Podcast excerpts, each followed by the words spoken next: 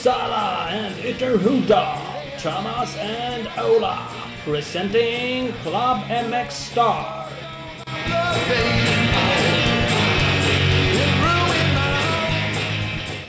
Jajamän, då var det dags igen. Torells MX presenterar podcast avsnitt nummer åtta, Klubb MX Star. Ola är med mig. Jag är med. Nummer åtta. Fan vad, vad dagarna bara springer iväg. Ja, nu är det nära eh, tio avsnittsjubileum, Ja. vad det nu blir. Ja, det, blir, det var ju bak i min buss, var det inte det? Det var bak i din buss, absolut. Ja, men det ska vi köra. Eh, det här avsnittet tror jag vi bara sparkar igång. Direkt så kör vi bara. Det här är Ja, men ja, mycket bra gäster den här gången, så bara in med huvudet och kör. Vi har ju faktiskt Jonas Hagren från Race Magazine på plats med oss. Tjena Jonas. Tjena! Vad trevligt att vara här. Ja, det är kul. Du och jag sitter faktiskt på ett hotellrum i Uppsala. Jajamän. Ja, så det är Lå- kört. Och- låter ju spännande. med. Det låter ju spännande, ja. Vi sitter jävligt nära också, ska du veta. Det är ännu bättre. Riktigt nära sitter vi och kramas. Det är viktigt vet du. Det är tekniken här, så måste vi ha lur, lurar så vi sitter och myser. Så man hör något. Ja, så man gör någonting. Men du är uppe i Norrland som vanligt. Jag är här i regnet. Representerar Torells MX. Det är det jag gör Mm. Ja, men det är bra. mest hela tiden. Ja, precis. Eh, ja, men det är kul att ha med dig, Jonas. Eh, vad vi nu ska prata med dig om. Det finns ju massa roliga saker, såklart. Ja, visst. Det Förhoppningsvis. har ju hunnit vara med om en hel del. Ja, du har ju det. Eh, mer än vad vi har varit med om. Jag vet inte var vi börjar, Ola. Vi, vi har ju ett eh, VM på gång i eh, Uddevalla. Har, ju, har vi. Nästa helg är det dags för, vad är det? 14 gången i ordningen tror jag. Nej, 18 till och med. 18. 18 gången. På Glimmingen. Ja, precis. De har haft VM 20, förut. 20 totalt i staden. Ja, du ser. Du ser. Du ser, var det två första gångerna då gissningsvis någon annanstans? Ja, då var det på den legendariska Kurödsbanan. Mhm. Som ligger lite närmare stan. Ja, I ett område som eh, bara består av snäckskal. Så att eh, de kallas för snäckskalsbankarna då i Uddevalla. Där låg banan bakom. Men 1964 lades den ner och då blev hälften av området fridlyst och andra hälften blev en, en mekanisk eh, industri. du ser. Ja, ja. Men de fick en ny bana i alla fall. Ja, det tog några år. Förarna körde för Skara MK ett par år innan de kom tillbaka till Uddevalla och så körde de igång. Redan andra året körde de en SM-tävling, 68. Och sen har det rullat på. Ja. Det känns ju som att de har en rätt hyfsad organisation, eller borde ha. De kör ju för ett VM, det är ju Ja. svinstort och de har ju kört eh, SM i alla fall några gånger senaste åren. Oh ja. Nej, det är en superduktig organisation och är speciellt imponerad av eh, en av dem i organisationen, Micke Andersson, som eh, alltså gör sitt sjuttonde, sjuttonde VM som eh, organisationschef. Och det, det har ingen gjort förut i Sverige. Ja, det är rätt imponerande. För är det klart att de fortsätter flera år nu? Har de kontrakt för mer, eller? Nej, nu ska det väl förhandlas om, eh, om, om ett nytt kontrakt. Mm. Då är det bara upp med plånboken till Mr Lungo. Jo du. Mm. Han vet att ta betalt. Det är så, Ja, man, så man förhandlar med han. Betala mest bara så får man vara med. Absolut. Ja, men det, ja men det verkar vara, det var ju så. Det är ju, det där hör man ju liksom vad det gäller eh, eh, förarna såklart betalar ju massor för att åka. Men Mm. arrangörerna betalar ju också jättemycket vad jag har hört. Så att, eh, Ja. Mm. Vi vet ju inte summan då men eh, det handlar ju om åtskilliga miljoner ja. per gång. Mm. Per gång ja. Ja. Men jag vet inte hur eh, publiksiffrorna, alltså utvecklingen har sett ut på Uddevalla. Har det varit lite mindre senaste åren eller har jag bara fått för mig? Ja, lite grann har det ju varit. Men sen är Uddevalla en av de få klubbarna som inte vill eh, säga att det har varit fler än vad det har varit heller. Nej. Men på andra ställen drar de ju till med 35 000 fast det kanske har varit 15. Mm, ja precis. Så att eh, man kan ju tänka Ja. Ja. man, man hugger hejvilt bara. Det, det, det låter Nej, bra. det är, det är ju Sepolongo som vill att de, man, de ska, ha- att det ska låta som det är jättemånga som har varit där. Jo. Ja, han har sitt egna sätt att styra. Men det är ju bara på lag-VM som det är ju egentligen direkt över 20 000 någonstans. Mm. Det är väl Ja, så. Det har ju, Uddevalla har väl, ja, nu har de kanske hållit på att rikta upp det lite grann. Men ett tag så var det ju rena festivalstämningen där på campingen. Många åkte dit bara för att supa huvudet av sig och förstöra någonting och var inte alls intresserade av cross. Så att, Nej, det är klart det har väl förekommit men de flesta är väl ändå crossintresserade tror jag. Sen att det blir, kan man väl säga att det blir lite som midsommar för dem. De, det blir kanske lite för mycket fest på kvällarna men eh, jag tycker nog inte att det är så jävla farligt i alla fall. nej, jag tror det har blivit lugnare de sista åren också. Det, Ja. Jag vet att det har varit, har varit Det är värre. klart, det är det är inte roligt när de stör barnfamiljer och sånt där men eh, Nej, exakt. Och eh, jag vet inte. Folk släpper väl loss lite för mycket, men det är, det är som det är. Är det fest så är det tydligen. ja, är det festival så är det. Ja, alltså för det är ju bra att det kommer massa folk och det är väl kul att det finns grejer men det är klart Ja. man ska styra upp det på ett eller annat sätt och det har de ju försökt göra nu med lite olika VIP-campingar och familjecampingar och för gör man bara det då kan väl de som vill härja då härja. Så länge man inte håller på och gör massa dumheter och är Ja. alltför kriminella möjligtvis och inte vet jag, spöar, spöar varandra eller Nej, det, det hör ju inte hemma i crossen. Nej det gör det ju inte, Nej. absolut inte på något sätt. Ja. Men det är kul att det är folkfest, för det är det ju verkligen. Ja, det är ju jättekul oh att vara där och det är ju roligt att det händer grejer även utanför tiden det Ja, är hit. absolut.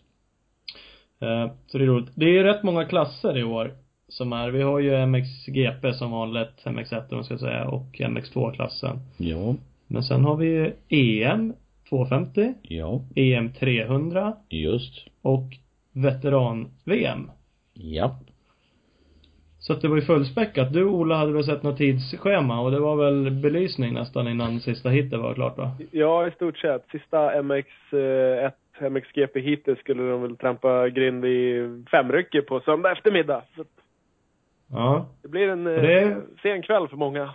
Ja, lördag brukar ju sista hitet gå vid sju.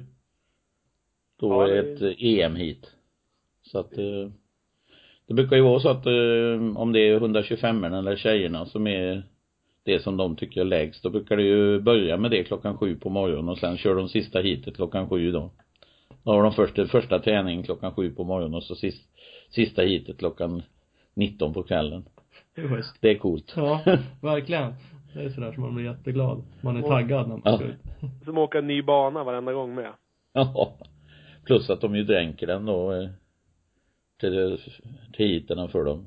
Precis. Nu ser det ut som att träningen, första träningen på lördagen är klockan åtta på morgonen och sista hitet startar halv sex. Ja. Och, Ja, de har eh, väl komprimerat det lite. Mm, precis. Ja, nej, det blir bra. Men, eh, Men alla klasser kommer köra två finalhit. yes. Är det så? Även Ja, veteran ja. och alla. Så det är samma. Ja. Mm. Men de flesta kör, eller de flesta ska jag inte säga, men de, eh, alla utom MX2 och MXGP kör ett hit på lördagen. Just. Ja, okej. Ja, så är det. Sen kör tjejerna 300 och 250 EM-klasserna sitt andra hit på söndag. Ja. Eller tjejerna, tjejerna veteran, vet, veteran Ja. ska jag säga. Det står VMX här och det har Ja, varit just det. wi- Women förut. Men Ja, men det är bara för att röra till det. Jag läser fort men fel. det är väl enkel-V och W det skiljer på tror jag. Precis, precis. Är det. Jo, så veteranerna är först ut av heaterna på söndagen. Ja. Då har vi många klasser då. Kommer vi ha någon svensk på pallen i någon klass då? Ja. Ja. Det var... I veteran. Är det veteran som vi levererar? Ja. Det är Ja, en... eh. Just precis. 45-årige Mats Nilsson. Mm. Uh, Han kommer att leverera i vanlig ordning. Tror han vinner? Ja, det tror jag. Ja. Har, jag har du sett någon anmälnings... Alltså någon startlista? Har han någon motstånd? Nej. Nej, men det är ju alltid några som, eh, som bjuder till så att eh, det blir nog fight men jag tror att men jag tror att en av de tuffaste konkurrenterna i år kan ju bli Fredrik Werner. Mm. Just det. Han, Det- Ja. Den unge 42-årige Fredrik Werner. Precis. Ja. Pojkvasken. Men det, det lät Ja. lite som Mats själv trodde det också. Ja. Eh, jag läste att du hade pratat med honom. Han, han trodde väl också det. Ja, Men eh, fan, jag, jag skulle vilja se Posar och Smets och lite sådana där killar komma upp och Ja. åka de här klasserna.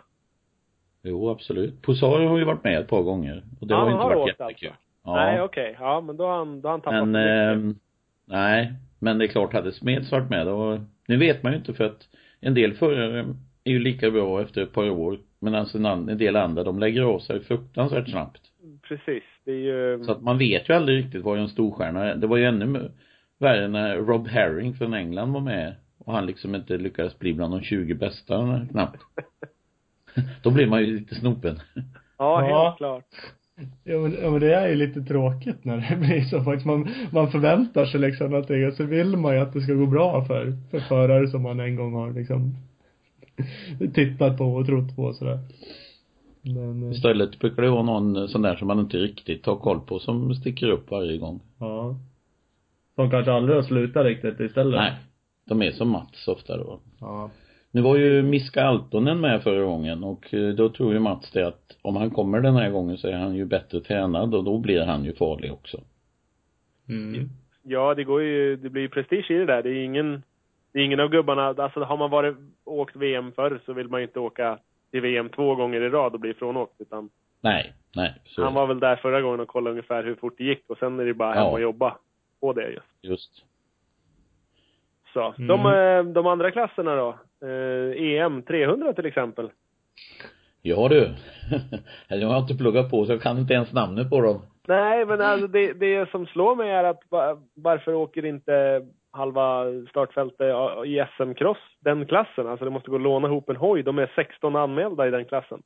Två svenskar. Va- Är det inte, det borde ju vara ett lysande tillfälle att vara med och synas.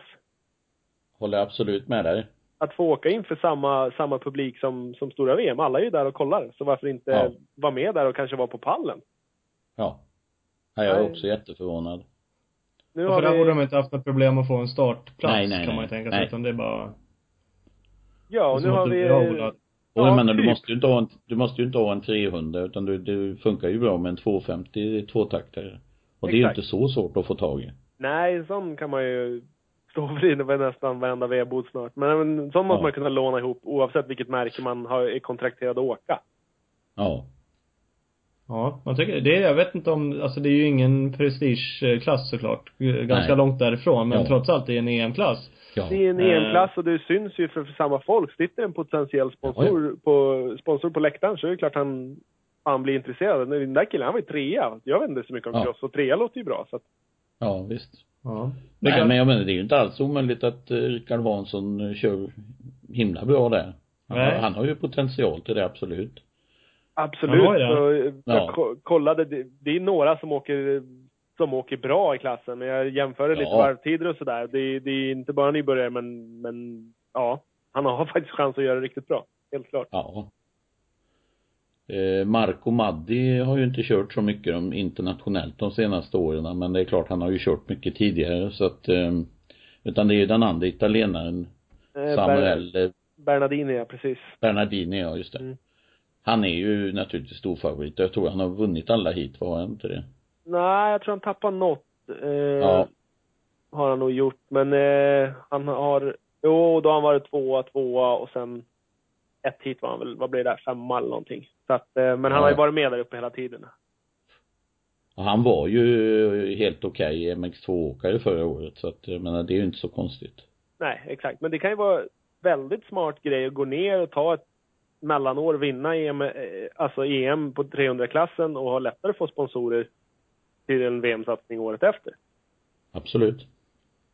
så, så har jag alltid sett de här MX3-klasserna som fanns också. Att liksom satsa och åk det och, och ha chans att få hjälp. Men det är ingen av svenskarna som nappar på det konceptet. Nej. Nej, det de är svårflörtade. Ja, de är det. Ja, men vi har ju diskuterat det här massor Ja. i alla fall du och Ola och flera personer, att just, det, det är klart det är ju ingen prestige i det. MX3 var ju inte heller det i slutet åtminstone, det var ju rätt B, men trots allt ett VM. Så det var ju ännu större än vad det här. Nu har vi ett EM då.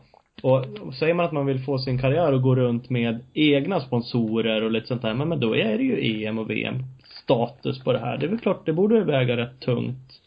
Man visar ju att man vill bli, dessutom är det ju nyttigt för ens egna fortsätta utveckling och köra, för jag menar de var ju inte enkla, det såg vi ju de gånger som svenskar var med i MX3, det var inte så att de kom dit och dominerade på något sätt. Nej, det absolut inte. Men det är, ja, jag vet inte, det är klart, alltså det är ju vansinnigt dyrt såklart. De går ju på, ja också Europa runt åtminstone och rätt mycket i östländerna klämmer de in i alla fall som MX3 var i slutet. Så att det, det är ju en stor satsning såklart ekonomiskt men eh, de satsar ju på andra serier, Ja. förarna liksom ibland och då kan man känna att, mm, ja, varför? Framförallt satsar de ju enorma pengar på vinterträning. Ja, Och det är ju inte ofta som det slår ut i några större framgångar. Nej, nej det har man ju faktiskt sett på olika grejer. Det har vi också diskuterat om de som åker till USA, vilket är ju rätt eh, häftigt. Såklart ja. liksom, men det är ju sällan de kommer hem och är sådär blixtrande snabba som som det låter på dem när man får rapporter därifrån när de mm. vinner lite små tävlingar hit och dit men eh, det känns inte som att det ger så mycket som det kanske kostar. Nej, eller så, eller så åker de iväg i januari och så kommer de tillbaks i mitten på mars och får åka dubbdäck i tre veckor till i alla fall innan det är dags att liksom börja säsongen och då är det ganska bortkastat i alla fall att, att vara där. Så brukar de åka på alla förkylningar som alla har haft här hemma under tiden och så eh, när säsongen börjar så står de på samma statusen i alla fall. Precis, ja. då har de, har de det med sig. Ja, nej, det är mycket med det där. Men det är ju jäkligt häftigt att vara i USA kan vi säga och köra de här tävlingarna är det ju men, eh, men om man blir så oerhört mycket bättre det är ju tveksam, är jag tveksam på. Ja. Nej, det är det, för det, alltså det är klart det är skithäftigt, men man kan ju lägga upp sin karriär lite olika. Det är klart, ja. man, har man pengar och tid och åka runt och göra balla saker så är det klart man ska göra det. Eh, men det finns ju ändå en och annan som utger sig för att de vill bli bäst i världen. Mm. Eh, och då kan jag ju tycka ibland att man har ett litet konstigt upplägg eh, om det nu är det som är målsättningen liksom, på att mm. verkligen bli bäst. För att då ska man nog ja, slita mer än man ska faktiskt åka runt och ha kul. Mm. Tyvärr då kanske. Jo, men... så är det. Så är det. Nej men om man åker över någon månad och sådär och kör och tränar och, och seriöst så nog, nog gör det nytta på lång sikt men det gör inte sällan nytta just den säsongen. Då tror jag att man ska vara där tills tävlingarna börjar. Det är samma med Spanien. Jag menar, åker man till Spanien och är där så ska man ju vara där till den dagen börjar när man ska börja åka EM och det. Så mm. att man är liksom igång och kör. Men idag har det ju blivit så att genom att hela familjerna är med så vill ju alla hem. Ja. Så då måste de ju åka hem emellanåt hela tiden. Förr i tiden när Sverige var en världsnation då, då var ju förarna ute och kom bara hem till SM. Mm. Så att det var lite skillnad. Men då tjänade de ju pengar också så att Då var det ju prispengar och, och annat. Ja. Då, eh, då kunde de ju köra lopp i, eh, beroende på hur bra de var då, Belgien, då var det ju jättebra betalt för dem där och de som var lite längre ner fick åka i Frankrike och sen till exempel den första maj då kunde det gå mellan sju till elva tävlingar i Frankrike på där där alltså folk fick 5000 i start och kanske åkte därifrån med 15 000 ja, ja de, alltså det är lite skillnad. De tävlingarna ja. är lätt, lätträknade nu för tiden. Ja, ja, det finns bara ett par stycken i Frankrike och sen är det ju mästerskapstävlingar då, tyska mästerskapen, holländska mästerskapen, italienska och så vidare. Mm. Finns inga andra internationella tävlingar. Jo, Tyskland kör ju den här i Frankenbach på våren. Det är en av de få också som är, finns kvar. Jag har, mm. jag har fått en fråga på, på Facebook. Jag lagt upp det tidigare att vi skulle ha gäster och eh, det är två stycken som undrar vad som krävs för att vi ska få en, en världsstjärna i så som vi var förut, alltså folk som åkte i toppen på VM. Vad, vad behöver vi göra? Ja du. Om man kunde svara på det då hade sig. Ja. Det hade vi haft hur många som helst. Jag har ju idéer naturligtvis om hur det skulle kunna gå till då va, men um, det är ju först och främst att, att man ser till så att det finns ekonomi så att de kan göra detta. Och sedan måste man ju ta ut då ett, en en förare, en person som man verkligen tror kan leva upp till detta. Och gör man det bara och jobbar lång, långsiktigt så tror jag att då kan det komma ett par. För just ja. nu så har vi ju faktiskt ett par riktigt lovande yngre förare som, som vill träna och vill eh, åka tävlingar. Precis, det ska vi inte glömma att just nu Nej. så ser det ju faktiskt ljusare ut än vad det har gjort på länge. Ja, och därför så måste vi ju ännu mer egentligen satsa och hjälpa dem. Ja helt klart. Eh, förra Men hur gör man det då? För att det är, det är ju sådär, vem, vem har hand om ekonomin egentligen? Är det förarna själva som ska driva allt sånt där? Eller är det, ja, förbund är ju alltid en evig diskussion. Ja. Eller är det, ja, vi allihopa, ska vi Så det där går ju att vända och vrida på hur mycket som helst med vad förbundet ska göra och inte göra. Det är en del förbund, de, de satsar ju alla sina pengar på sina utövare. Svemo har ju lite knöligt där genom att de har ju speedway, roadracing, cross och enduro och allting va och allting kräver olika saker. Och får den ena för mycket så blir den andra förbannad och så vidare va så att eh, Mm. Det är väl inte så här jättelätt. Men eh, det är klart att samtidigt så tycker jag ju att det borde gå mer pengar till eh, crossen. Det, det är av den uppfattning. Men det är inte säkert att det räcker. Utan man måste måste göra någonting annat också. Och då har ju jag och några vänner startat en eh, förening där man kan eh, sätta in lite pengar. Och den kom jag på när jag var på lag-VM i Lommel. Då var det ju så oerhört med svenskar där. Jag, Mm. Det kändes, jag vet inte, men det kändes som att det var 500 svenskar där. Ja, jag håller med. Som då kanske hade lagt någonstans mellan 5 och 10 000 av sin budget att åka dit. Hade de då, de 5 000 gett 1 000 kronor till, till förarna. Det hade ju varit 500 000. Då Ja. hade vi helt plötsligt börjat snacka om vad vi skulle kunna göra va. Ja. Så då föddes den tanken, men eh, nu har ju inte den slått så väl ut som jag hade hoppats på, men eh, men eh, ja, jag är ju optimist, så jag hoppas ju och tror ändå. Ja. Men den lever kvar? Ja, Den, vad var, he- hette den? Det var en, Svensk motocross framtid. Ja. Där drog ni Och vi igång. har ju en eh, hemsida då, svensk motocross framtid plus, äh, punkt com. Mm. Så att, eh, För den kan vi pusha för. Alltså för sånt där är ju egentligen helt fantastiskt. Som du säger, nu sa du ett belopp som är hyfsat högt, 1000 kronor Mm. per person. Men säg, ja, då räknade du på 500 personer. Ja. Men säg om vi är 1000 personer, då är det bara 500 per Ja. person för att få i samma belopp. Eh, Och Jajamän. börjar folk skänka en hundring och det är 10 till, ja men det, ja. Nej, från början så. var vi ju så optimistiska så vi trodde att folk skulle skänka en tusenlapp. Mm. Men det var ju ganska få som har gjort det då, så att eh, Plus att en person vars son precis nyligen hade slutat skänkte 10 000. Ja. Men eh, så nu har vi släppt det där med exakt vilken summa det är. Utan nu får man eh, skicka in den summan man känner för. Mm. Och så på Uddevalla-VM så ska vi sälja en supportertröja då för de här. Som, eh, där pengarna går oavkortat till de som ska åka eh, junior-VM. Mm. Som vi tycker är viktigt då med allt från 65, 85 och 125. Ja. Jag tycker inte att man ska behöva lägga ut pengar för att åka på en sån tävling. Nej, absolut inte. Nej, då är det ju verkligen på landslagsnivå. Ja. Det är ju galenskap om man ska behöva ta egna pengar. Eh, och det håller jag med Och det du sa, jag har varit en sån här åsikt att jag tycker att det kanske inte är förbundet som ska skjuta in massa pengar i förarna. Alltså pengar, rena pengar. Utan jag tycker att förbundet, vilket de i för sig gör också, borde bistå med kunskap och Mm. träning och kunskap om sponsorer kanske, hur man jagar. Eh, man- Mediaträning har vi pratat om Ja, mediaträning. Men Mackan Norlén sa ju sist, och det har ju lite rätt jag tror att det var han som sa alla fall, att andra förbund har ju faktiskt landslag där Mm. de betalar rätt så mycket. Eh, och då får ju vi problemet då, som du sa nu Jonas, att, att vi har så väldigt mycket olika Mm. grenar i vårt förbund. Det har ju varit en del sponsorer som har velat gå in men som då specifikt till exempel har velat ge sina pengar till enduron Mm. och inte till någonting annat och då har ju, har ju Svemo fått problem med det genom att de vill ju ha allting samlat i en klump va? och så dela ut detta. Och då har sponsorer sagt nej. Så att, eh, men jag tänkte på att eh, Enduron har ju en sån här förening kan man säga. Enduro, svensk enduro support heter den eller någonting sånt. Och jag menar de driver ju in pengar, de är ju, bidrar ju stort till när Sverige åker um, Six Days till exempel. Ja. Så att eh, det jag tänkte är att eh, om Svemo stod för ledare och sådana här saker va. Och så kunde den här föreningen stå för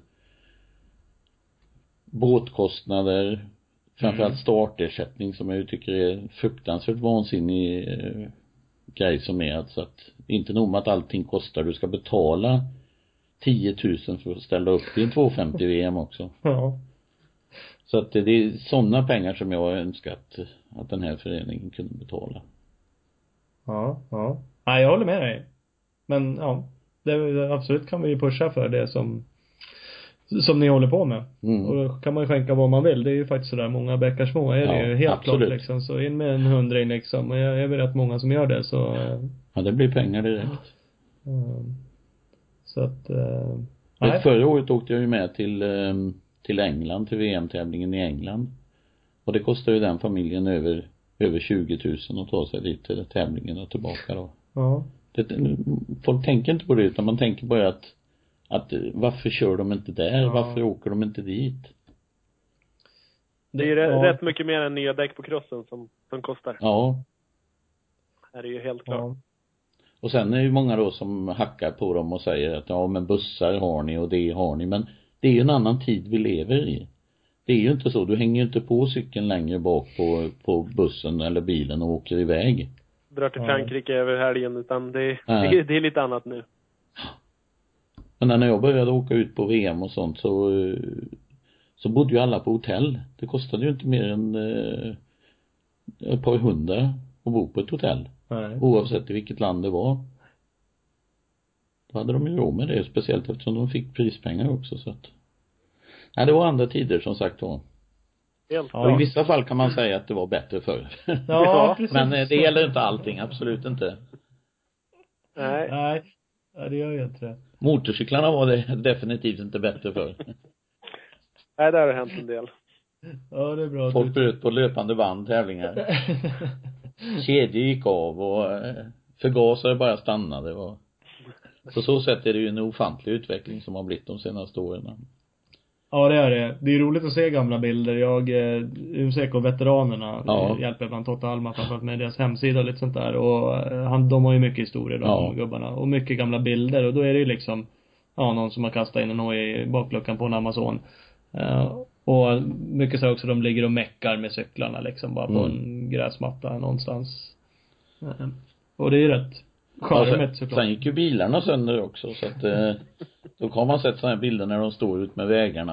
Har det stannat en fyra, fem olika crossekipage och så, så håller de på att mecka med samma bil allihopa. Och då kan det vara stjärnor från eh, både Belgien och England och Sverige. Ja. Ja, det, det är också en grej som var lite annorlunda, mer annorlunda förut. Någon sammanhållning på något annat sätt tror jag. Ja. Ja, så Ja. är det nog faktiskt. Ja, men det lite. Men vi har ju två, eh, nu har vi gått igenom um, B-klasserna tänkte jag säga. Vi sa ingenting om 250 EM, har vi ett Nej. gäng svenskar som kör också. Ja. Och där är väl, är det, jag vet inte om Kalle är helt återställd, Kalle Olsson. Det verkar Nej, jag vågar inte svara på hur det är riktigt med honom. Nej. För annars åkte han rätt okej i några hit innan i EM Mm. tidigare år. Absolut. Eh, Så det hade varit kul om han hade varit i slag. Nu, även om han kommer köra vilket vi hoppas på, så har han ju inte ja, kört på ett tag. Nej, verkligen inte. Sen han kraschade i eh, Tibro. Mm. Väl någon hjärnskakning eller annat problem med det. Eh, Men det är många andra där. Viktor Björklund är väl tillbaks vad jag förstod. Ja, om jag har förstått saken rätt så kör han i tyska mästerskap, ADAC den här helgen. Ja, det kanske han Så gör. att eh, där får vi väl en liten indi- indikation om var, hur han ligger till. Mm. I och för sig, han körde ju elitserien i onsdags i Västerås också. Det gick ju himla bra. Ja, men det gjorde det. Jag pratade lite med Fredrik Karlsson Ja. som tränare och meckade lite åt honom. Han tyckte han hade bra fart. Nu är väl i och för sig inte det, säger inte det så jättemycket genom att eh, serier hit är ju lite sådär att folk vet var de har sin plats och Ja. oj, där kommer han, det är lika gott jag släpper honom direkt. Det, det är klart annorlunda, det har vi faktiskt också pratat om förut och det är förarna säger det också, det, det på de säger att det är en liten annan eh, stress, eller det är inte Ja. mentalt lika jobbigt heller att köra serien utan det lite mer avslappnat sådär och därför verkar vissa förare passa dem vansinnigt bra att köra Ja. seriecross. Eh, Men oavsett, han vann ju några hit, han körde ju Ja. riktigt, riktigt bra Oh ja. och Fredrik Karlsson sa att han, han har åkt ganska så mycket motorcykel. Ja. Han har inte kört några race men han har kört en hel del och verkar ju vara i form. ja, nej men han, är- han är ju duktig så att det Sen har vi ju Ken Bengtsson också. Mm. Årets överraskning tycker jag då. Ja. Som verkligen har utnyttjat allt vad MX-gymnasiet har att erbjuda. Utvecklats enormt under året. Mm. Jag hoppas att han eh, får till det. Det skulle vara jätteskoj. För det är en Ja. ambitiös och duktig kille. Ja, men det känns det som faktiskt. Jag, eh, och men han har gjort bra i år riktigt. Ja. Du Men kom, det är ju ett steg extra det här ju så att eh, För jag menar de här är ju verkligen inte enkla eh, MX2 Nu när jag har chansen kanske jag ska säga det också att eh, man måste ju alltid tänka att det är ju skillnad på MX2 EM och och 125 EM mm. I 125 EM får man inte vara med när man har, efter man är 17 år så det är ju liksom en en junior, en ungdomsklass nästan. Ja. Och det andra det är ju alltså förare som inte har råd att lägga en miljon på en, en ordinarie VM-plats. De kör ju EM då. Så Ja. att det, det är ju många garvade förare med där. Mm. Så den är ju väldigt tuff. Det är den. Ja men det, det känns det faktiskt som, det var nog Fredrik Karlsson som sa det också då, de hade angående Viktor där pratade om, skulle han åka VM eller inte? Eller de var osäkra på om han skulle få en plats i Ja. EM och att han kanske skulle få en plats i VM istället. Ja. Och då hade de kollat lite tider och liksom, han sa ju att det går rätt fort i EM, Ja, ja. så det, man ska inte tro att det är en så jäkla mycket sämre klass än eh, än, än MX2 VM. Såklart toppen då. Ja. Eh, Men sen så eh, går det rätt så fort. Men man ser ju då på en sån kille som Tim Geiser hur snabbt det ändå går att slå sig in. Mm. 17 år och är nu och han är ju inget underbarn då utan han har ju liksom kämpat sig fram genom alla klasser. Ja. Han har ju varit både Europamästare och världsmästare i alla ungdomsklasser.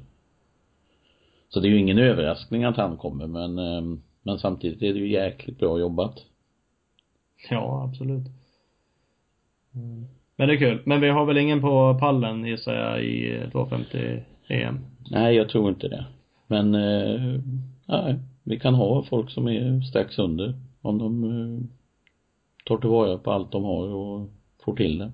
Det vore ju jävligt kul rent eh, folkfestmässigt Absolut. om vi har någon där uppe och drar er liksom i de klasserna och ännu hellre såklart i MX2 VM eller i MXGP. Pontus Jönsson är en annan som eh, har Ja. haft problem med kroppen men vi ger ju inte upp utan bara fightas och fightas och försöker komma tillbaka hela tiden.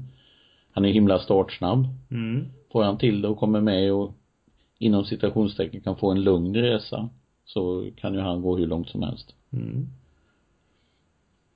Så att det, är- det tycker jag är skoj. Det är väldigt många som är med också i EM-klassen. Ja, det är Så det. att, eh, nu kanske inte alla kvalar in då men, eh, men det är ändå kul att folk är med. Som till exempel ledaren i USM är ju faktiskt med och, och kör. Emil Berggren från Örebro. Ja, du ser. Ja, det tycker jag är lite kul. Ja, ja det är det. Och det, det han, det, han är ju då ett bevis för att kanske fler borde ha anmält sig. Han glider in där, för vadå? Han får alltså inte köra, Han får vara med och kvala. ja. Men äh, i US kör han SM? Nej, nej. Det, för det får han inte? Nej. Nej. Men han får köra 250 Ja, EM. ja. Ja, det är, det är intressant eh, Ja. system också kan man ju tycka, men Jo men där går det ju på eh, liksom att bara du har åldern inne ja. och förbundet tycker att du eh, klarar av det. Det är lustigt att förbundet då godkänner en sån start, men man godkänner inte att man eh, får vara med i SM. Jag tycker i att det är helt rätt, Ja. så det är ju en, en dum diskussion Jo, jo, så, men det ja. är, det är kanske hela det där, en, annan diskussion om eh, elitlicens och Ja, det jo det är det. Men det är kul att han provar där. Absolut. Skitkul. Och det är nog många som kommer tän- tänka det att varför anmälde inte jag mig? Mm, faktiskt. Det gäller att Ja, Tänka nej. lite. Heder åt Emil där tycker jag. Ja, helt klart, helt klart. Nej men det får vi hoppas att det går bra där. Och vi har ju, ja i MX2 är det inte så många va? Det är de, Eh, det Hjort- kan vara en bara. Hjortmarker. Ja, jag har inte pratat med eh, någon i familjen eh, Lundgren nu det sista, så jag vet faktiskt inte exakt statusen på, på Anton. nej inte jag heller. Han körde faktiskt serien idag på Järva. Ja, så gjorde han det? Ja, men jag såg han bara ett hit. Ja. Då låg han och drog eh, precis i baken på Mackan. Så Ja. han blev eh, tvåa i det hitet. Ja, men det låter ju Men han, bra. så att då, då körde han i alla fall. Ja. Däremot har jag hört att han inte är riktigt återställd från sin skada. Nej. Att han har haft en del problem med med det benbrottet där. Han har väl någon spik inopererad eller någonting. Ja, han fick ju en infektion som var väldigt elakartad. mm. Så skinnet lossnade ju från benen. Så att eh, han har haft en, jobb, en jobbig tid. Mm. Och jag hoppas då att han inte ställer upp ifall han inte är hundraprocentig. För att då är det så lätt att det händer någonting nytt. Mm. Så- Ja, Magne är ju trots allt med fortfarande så att det kan ju, Ja. ja. kan ju bli ett benbrott till, man vet aldrig. Ja, han har ju två ben. Ja, Jag kör av det andra. Mm. Jo, så, så är det ju. Men, nej men det kanske är rätt. För horna växer väl ut om man ställer upp, så då Ja, väl gör ju det. Och jag menar, han är ju en så pass tuff kille så han åker ju inte ut där och mesar runt bara utan han försöker ju göra vad han kan liksom. Mm. Men annars så får vi hoppas på eh, Eddie. Eller ja, det får vi göra ändå. Hoppas Ja, på Eddie. ja, absolut. Och jag tycker Eddie har en ganska skön eh, stil här med hans tankegång om VM. Hur han ska försöka lugnt och systematiskt eh, nöta sig framåt. Mm. För det går inte bara att komma dit och kasta sig in och tro att man man kan vara med bland de sex bästa alltså, utan det man måste skaffa sig den rutinen. Man måste klara av att köra fort i två hit varje vecka. Och så verkligen köra varje vecka. Inte helt plötsligt få för sig att man ska vara hemma i tre veckor. Nej. Utan det är varje vecka, hela säsongen. Mm. Det var, det kommer vi tillbaka, det var så man gjorde förr. Bröt man benet och eh, blev hemma, är skadad. Den första tävlingen man ställde upp igen i sen, det var ju en VM-tävling. Ja. Så fort någon svensk skadar sig så tar det ju liksom hur lång tid som helst innan han kommer tillbaka. För det ska ju köras serier och det ska köras allt möjligt emellan. Men är du VM-åkare och har sponsorhjälp för det, då är det där du är hemma. Ja. Ja. Nej men det är nog så. Det är ja. Det är ju lätt att Vad säger säga. du Ola? Jag pratar så mycket så du får ingenting Nej, sagt. nej, jag bara sitter och lyssnar. Jag sitter och letar efter resultat från ADAC-serien också, men jag hittar inga.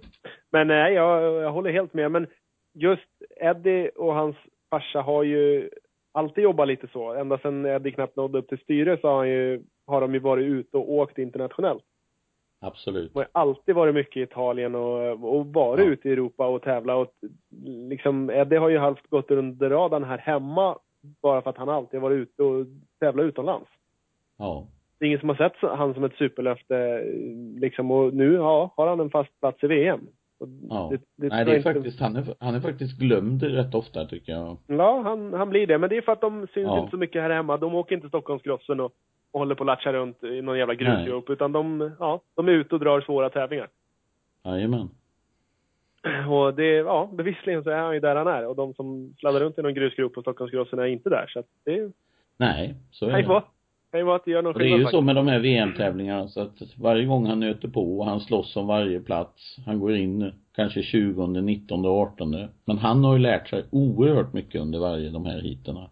Precis, och fått kämpa som Och- en, en gris för varenda placering Ja. istället för att, ah, jag var, blev trea idag och, ja, bara åkte och Även vinglade om, halva hit. inte, även om inte grinden är full så är det ju de som är med, de är ju alla, fightas ju alla om sina platser. Jo, helt Så klart. att det är ju ingen som får något gratis. Nej. Så är det ju. Och då måste man liksom vara kontinuerlig köra sådana tävlingar. Det är tyvärr där som väldigt, väldigt många svenskar brister. Ja, Mm. vi vill ju, vi pratade lite om det för förra programmet också, att även på träning så, så söker de inte upp motstånd och träna Nej. mot, utan man vill helst träna själv och känna Ja. att, att idag var man ganska snabb och tog ni några tider? Nej, nej, vi, vi kör inte på klocka eller, utan vi, vi känner. ja det är klart, klart det är ingen annan där så är det ju lättare att skriva på Facebook hur snabb man har varit. Exakt, det är ju skitenkelt. Så att det är ingen som kan dementera det. Så nej, Nej. det är olika det där. Men det man får hoppas, det är ju verkligen. Jag vet inte exakt hur det ser ut för, ser ut för Hjortmarken, men det är att någon, han förslagsvis nu, att de har en plan för flera VM-säsonger och att det finns ekonomi för flera VM-säsonger förhoppningsvis. Helst skulle ju det vara klart redan. Pang, jag har pengar för tre VM-säsonger, Ja. jag har ett team för tre VM-säsonger. Då kan man göra som du sa Jonas också, verkligen bygga Ja. på det här och lägg, tycka att det är okej att samla några VM-poäng nu. Det kanske inte är skithäftigt tycker vissa. Det är lite Nej. för dåligt Ja. men År två lite bättre, år tre kanske då smäller det liksom. Men samtidigt kan ju vi som sitter hemma då och ser det på tv eller följer på nätet eller någonting sånt. Alltså varje gång det är en svensk med så är det ju så jävla mycket roligare va. Ja. Så att jag menar han gör ju en djävulsk nytta ändå för oss allihopa tycker jag när han är med där och fightas. Ja. Sen kan jag tyvärr inte svara på hur, hur det är uppbyggt det här med teamet och det här. Det är ju så att det är ju inte alltid som det är lika bra som det ser ut innan. Nej. Så att eh, och jag har ju sett att teamchefen till exempel, han har ju inte synts till sen eh, sen SM i Saxtorp. Nej, jag tänkte också på det, för då körde han ju faktiskt. Ja. Men, Men sen han har inte synts till överhuvudtaget. Han är inte med på VM-tävlingarna heller. Det är ju sådär lite mhm. Men jag hoppas att det fungerar och att det Sedan är, vet jag inte heller exakt vad, hur mycket som styrs från eh, honom eller från eh, Mikael Löving på Cross Enduro-kompaniet. Nej, alltså när det där teamet dök upp så kändes det rätt lustigt hela grejen. Ja. Att de gick in så stort, eller deras VM-team, men det är ju något ja, lettiskt va? Ja, just och, ja, ja. Men det är ju ett samarbete. Det är ju för att kostnaderna är så stora så att om två stycken går ihop sig så Ja. kan de ju få ihop kostnaden. Mm. Men jag hoppas bara att det, det funkar och att de kan fortsätta så att eh, Mm. Bara Det- hoppas det- att Ivo är hemma och säljer bilar eller skinnjackor eller vad han gör för att få ihop pengarna till teamet. ja. Det är därför han inte har tid att vara ute. Nej, vi får hoppas det. Ja. Faktiskt. Det är ju Ja. alltid så här med nya, nya team. Det är ju skitsvårt att få det att gå runt. Ja. Ja, visst. Det är det. Eh, Ja, Det är lätt att de har en vision och sen inser de också vad det faktiskt krävdes för att få Ja. ihop det där, både ekonomi och tid och det är nog inte bara att driva de här lite mindre teamen Nej. utan det är nog lätt att köra sen, på sen grund. ser man ju då de eh, kanske kämpar och får ihop ett par förare, får ihop det här och det första som händer är att de blir skadade. Mm, precis. Sen, sen har de pröjsat allt det här till Giuseppe Longo så Mm. kan de inte ens åka dit. Nej. Nej, Så att kul. det, det, det är jäkligt komplext det här och det är många delar i det som ska funka. Mm. Faktiskt. Så Och sen därför så är, tycker jag egentligen att Sverige skulle ha ett team eh, där, där vi hade två, två platser per klass eller någonting sånt. Där vi alltså kunde bara byta ut så fort någon blev skadad. Man kunde sätta de fyra man tycker bäst om. Ja. Och sen så kan man byta ut så fort någon är skadad eller någon inte kan åka så bara, men då har man ju alltid, då fyller man ju alltid upp sin grind va. Mm. Ja men Det, det är ju det som är så tragiskt att, att de här betalade grindarna är tomma. precis. Ja för så blir det ju. Det Ja. hör man ju på, ja men Filip Bengtsson också. Jag ska Ja. åka ner i, i Holland Valken. Så, ja, jag vet inte för jag vet inte om det finns någon plats. Nej. För teamen har låsta platser. Ja, ja, visst. Men deras förare är skadade men de avbokar dem liksom. Och sen är det då då, sen har ju, har de ju att spela med de som landet har. Mm. Men om då inte Holland till exempel fyller sina, Ja. det är då en sån kille som Filip Bengtsson kommer in i bilden. Mm. Jättetacksam på Ja. torsdag kväll Ja, eller visst. sånt där. Ja. Då får han ner, åka ner och betala 10 000 för att vara med. Mm. Ja. Oavsett vad han kör in på för plats så får han inget betalt. Nej. Perfekt. Ja. Vilket upplägg. Ja. Ja. Ja men det, vi pratade, vi, sist hade vi med Mackan Åhlén och eh, Johan Karlsson. Ja. Och de körde ju faktiskt ett team ihop med Jonas Wing som svem och drog ihop eh, för Jajamän. några år sedan. Eh, Och det kändes ju som en vettig grej. Nu blev ju det bara ett år. Ja. Tyvärr. Eh, Det var skulle också vara tråkigt något för jag, som- jag läste om det idag senast att mål, jag, för jag satt och läste en gammal bild och då målsättningen med det teamet var att inom fem år så skulle Sverige ha en VM-åkare, alltså en topp fem VM-åkare i bägge klasserna. Men Ja. om teamet läggs ner efter ett år då, då känns det inte som en hållbar plan riktigt. Nej, det var eh, Men en Ja femårsplan men, borde ja, ju... men jag ska säga vad jag tycker så var det ju så fruktansvärt dåligt skött.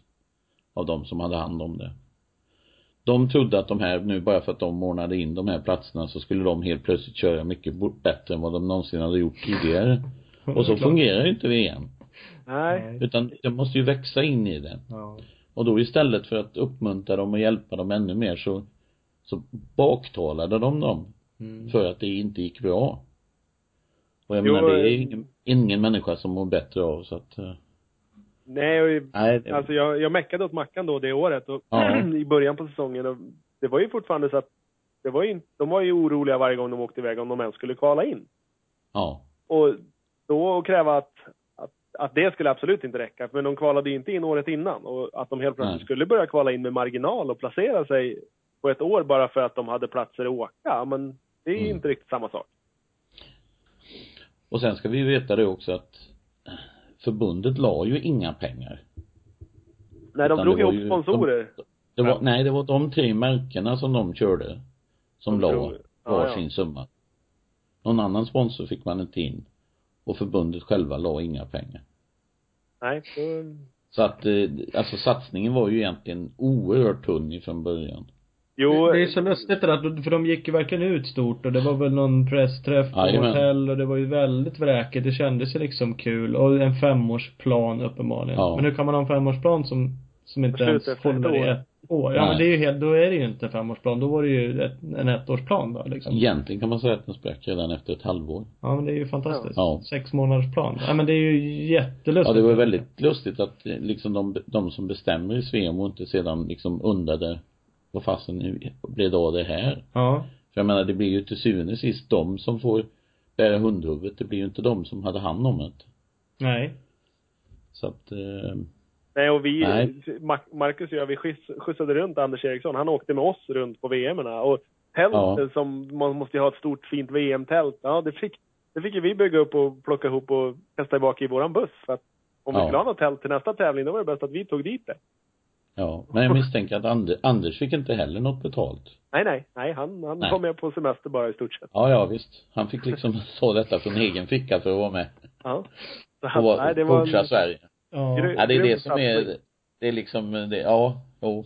Nej, jag tror vi räcker med att vi säger det, att det var en grym satsning. Ja, det är det. Det sköt sig. Men, men ja, som sagt, jag, jag, jag svänger om lite vad det gäller det där med Svemo. Jag tycker för att för, det, förbundet i alla fall som det ser ut nu, deras viktigaste grej är ju att ställa upp med information och kanske personal till vissa saker och Ja. liksom rena pengar kanske ska komma någon annanstans ifrån. Alltså jag vet inte. Det är i alla fall som det ser ut nu så är det ju så. Ja. Men, eh, ja. Oavsett. Men det, det, det Framtiden. vi pratar om, trygghet och sånt där. Kollar man som i andra änden på ska, skalan så har du Hurlings som gick ut i veckan och sa att han ska åka MX2 VM KTM nästa år Ja. också. Och Ja. bara ha den tryggheten att liksom veta det redan nu. Det är ju Ja. förunnat. Ja. Ja. Oh, ja. Det är väl Oh, ja. ingen svensk som har Men samtidigt ska han väl prova två eh, nationals Mm. för att se om eh, de kanske blidkar dem. För det är ju Ja. så, om inte, om inte jag är helt felunderrättad så har han ju försökt rätt kraftigt de senaste åren att komma in någonstans men hans hans rykte om hans, hans eh, uppföranden slår ju alltid emot honom var han än kommer. Ja, det kan Så vara så. Jag vet att han, han skrev själv att han skulle åka ett i Unadilla. Ja. Vet jag, men det är omöjligt att det blir något till. Men, eh, men Ja. jo, det, det ligger någonting i det du säger. Han är ju tydligen inte alltid helt lätt att handskas med den där. Nej, det kan jag då av egen erfarenhet meddela att det är han inte. Alltså. Jaså, har du låt horn med han någon gång? Jag säger som de i KTM-teamet sa att han är precis raka motsatsen till ro, eh, Roxen. Alltså. Ja. Ja. Ja han, ja, han har ju gjort en del verkligen utåt uttalanden också sådär fina saker. Ja. Eh, och vad som händer under teamet och sådana saker. Det är ju, ja. Ett av de mest fantastiska sakerna han sa det var ju före VM i Sverige det året han blev världsmästare. Då han på fråga för en holländsk tidning sa att han inte behövde Stefan Everts för han hade inte mer att lära honom. Ja, men då är man, då är man nästan fullärd. Ja, Mm. eller när han inte ville förstå vem eh, Roger de Koster var. Alltså det är den där gamle gubben som stryker omkring här i depån. mm. Ja, Ja. precis. Nej, sånt. Då kanske man inte får så mycket styrningar Nej. för amerikanska KTM då, om man uttrycker sig så. Nej. Nej. kommer inte Ja. helt långt med Ja. det där. Det är ju i alla fall skitkul när de här, det händer inte så ofta de absoluta toppåkarna hoppar emellan VM och USA. Vilket han gör nu. Det där ska ju bli ett sjukt kul race att se vad han kan göra av det. Ja. Och eftersom det är, i amerikanernas ögon är en fantastisk sandbana. Mm. Enligt svenskarna som har kört där så är det en grusbana. Mm. Så eh, kommer han ju med största sannolikhet att göra väldigt, väldigt bra ifrån sig. Ja. Ja, nu, nu tror jag du tänker på Southwick. Eh, den banan är struken nu. Ja, ja, ja, ja, ja. Junadilla, Junadilla är den där gamla klassiska en, en, hård, en, hård, en hård gräsbana ja. Ja, ja, nej. Det har du helt är- rätt. Det var, det var jag fel ute och surrade. Ja, nej, den, den blir det. Så att det är ju en, eh, Ja. Det är en, ändå en lite europeisk bana i och med Ja. hårt, hårt underlag så. Så att eh, det, Nej, vad heter det? Southwick, det är ju där, um, vad heter han, eh, Desall och uh, uh, Smets och de har varit med och kört. precis, precis. Men eh, DeSalle var även med och åkte Junadilla eh, för två år sedan tror jag. Ja. Med bra resultat. Det var, vilka var det Ja. som gjorde det? Det var ju Desal och eh, Vilka två var det som körde? Det var ju förra året väl? Bara körde de Nej, inte förra året va? Nej, två år sedan måste det ha varit. Ja.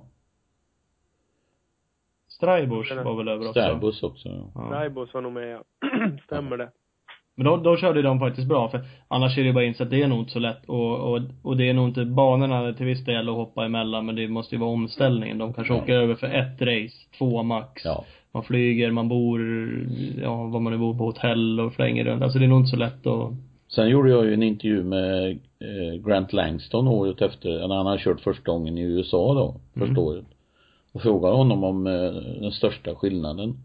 Och det är ju det att oavsett om en bra förare vurpar i starten, så innan hitet är slut så har han försökt ta ledningen igen. Ja. Medan han menar på att i Europa har du passerat din värsta konkurrent där så kommer han oftast inte tillbaka, då är det klart. Ja. Men där vet du att han alltid gör ett försök till. Mm. Så att de har ju en helt annan mentalitet. Det syns ju. Det känns Det- så det när man, när man kollar racerna. Ja. precis. Ja, bara racerna i- igår. Jag vet inte om det var någon som såg dem av er. Nej, jag bommade det. Ja, det, Ja, jag har faktiskt inte. Nej, eh, Baggett gör som vanligt. Han jagar upp sig från slutet och han, eh, han, han bränner om Cooper Webb i precis sista kurvan på sista varvet i första heatet. Och eh, han vinner väl Ja. med 0,080.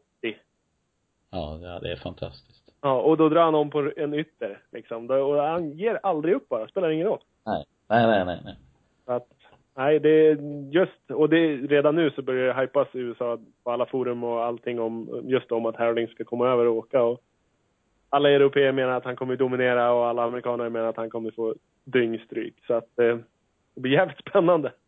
Ja, verkligen. Ja, ja det Men blir jag undrar egentligen nu, oavsett hur det går, det är ju KTM i så fall om de tar över honom men eh, jag tror nästan inte någon annan chansar. Nej, Nej. det kan nog vara så. Och han får ju mycket skit liksom för att han fortsätter åka MX2-klassen och mer eller Ja. mindre dominera där. Jo Han men det är ju ganska förståeligt, de har ju gjort hela allt så jag menar fast han är ju fruktansvärt bra och sen gör de så att så att de andra egentligen inte finns några konkurrenter för så fort de andra blir bra så måste de ju gå därifrån vid 23 års ålder. Precis, Ja. precis. Så att då- han har ju, han har ju i princip inte haft något motstånd de senaste åren. Nej, det är ju så. Han har ju sen, åldern på sen, sin sida. eh, här, sen Roxen var med. Sen har det ju inte varit något mer. Nej, och nu har han bommat en tävling helt och har snart Ja. 50, po- 50 poängs lucka igen. Ja, visst. Att eh, han, eh, men då, han är ju snart i kapp. Nej, inte snart i kapp, men han, han eh, tuggar ju vinster. Han är ju rätt högt upp på Ja. to- totala vinstlistan redan nu. Ja. Och Han är inte så gammal heller. Nej, det är han ju verkligen inte. han är som Roxen, han blir väl 20 år va? Nej, han är ett år yngre än är ett år yngre än Roxen. Ja. Han fick ju börja året efteråt, vet du. Ja, precis. Så kan det vara. Nej, så att han, och KTM är ju smarta. Plockar de upp Ja. han i MX1-klassen. Ja, då ska han och Cairoli slåss då. Nu Ja. dominerar Cairoli där och då vinner de bägge klasserna. Ja. Att- Jo visst, det går ju inte att säga någonting emot det och som sagt var, han är ju en av världens absolut bästa förare så att, men det är ju så tråkigt att systemet är sånt att han, eh, han blir så överlägsen. Jag menar, hade de här killarna som har tvingats upp de senaste åren varit kvar då, som då 24 och 25-åringar, så hade ju tävlingarna varit oerhört mycket roligare. Precis, han hade fått lite motstånd. Och det är ju folk som även fast man blir 24 år gammal vill fortsätta åka liten hoj. Ja. Och tittar man i USA så Bagge och Wilson och de här har ju åkt MX2-hoj så länge. Ja. Fast Baggett är ju inte så gammal som han ser ut. Nej, han, han har ju... Jag var ju på, jag var ju på eh, prisutdelningen efter ett Nationals för ett par år sedan och då stod, kände jag igen alla som stod där framme fast de hade kostym och grejer på sig men jag kunde inte förstå vem den där lille gubben var. Med den där farbrorn. Nej. Och det var han. Nej, verkligen. Han har, mm. Men så är det. Han kan åka motorcykel ändå. Han kan åka motorcykel. Ja. farbror. ja, absolut. Ja. Fruktansvärt duktig. Ja, men det är han verkligen. Eh, Tillbaks bara till Uddevalla för att avsluta det. Eh, Sista klassen där, MXGP. Får vi några svenskar också in nu. Ja, Det var väl en hel drös va? Nu kommer jag inte ens ihåg det blev ju bara fler och fler där. Ja. Men det är ju framförallt eh, Filip Bengtsson då som Mm. och sen så tycker jag det ska bli skoj att eh, Jesper Jönsson är med. Mm. Han kliver upp på stor, men han körde ju Ja. mycket stor på försäsongen också.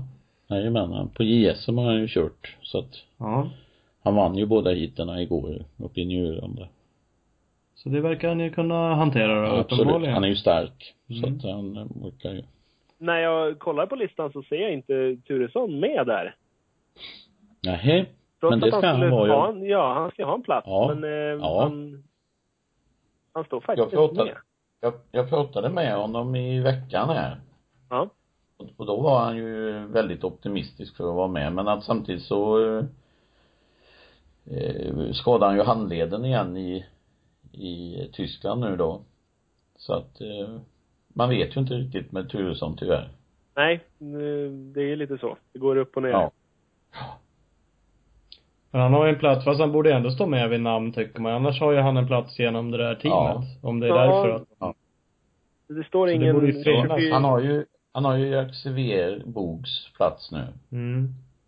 Precis, men varken Bog eller Getterman står med på listan heller. Nej. Eh, Nej. Det står, och det står inget 24MX-team. Så att, Nej, nej. jag vet inte fan, det dyker väl kanske upp. Ja. Nej, de fick ju även sin 250-åkare skadad nu i Tyskland också ju. Jaha, det, det flyter på för dem. Ja, de har ju verkligen oflyt. Ja, ja, får man nog säga. Ja, men det är kul. Alltså det, det ska faktiskt bli kul att se Filip Bengtsson. Jag hävdar ju med bestämdhet, eller han är ju en sann specialist pratar vi om, men jag är övertygad om att han skjortar av åtminstone alla svenskar på vilket underlag som helst. Ja. Som han åker i år. Vi glömmer ju lätt att han blev tvåa i två EM hit i Spanien för ett par år sedan. Mm. Och då var det ju Ferrandis som vann. Ja. Och han var ju överlägsen det året men så blev han ju skadad då så att han han blev ju inte Europamästare men fram till det han var skadad så vann han ju de mesta heaterna. Ja. Så att jag är av den uppfattningen. Och sen är det ju så att Bengtsson är ju så oerhört mycket mer eh, psykisk form nu också. Ja. Så att jag tror att han är mycket, mycket starkare än vad han var förra året, både fysiskt och psykiskt. Mm. Och därför så hoppas jag och tror att han kommer att lyckas. Han Vad- är en- en svensk, ja kör Ola. Ja, vad är, vad är en realistisk placering för han? Vad tror du? Det är ju 10-12 Där någonstans, ungefär som han var nere Ja. i Holland. Ja.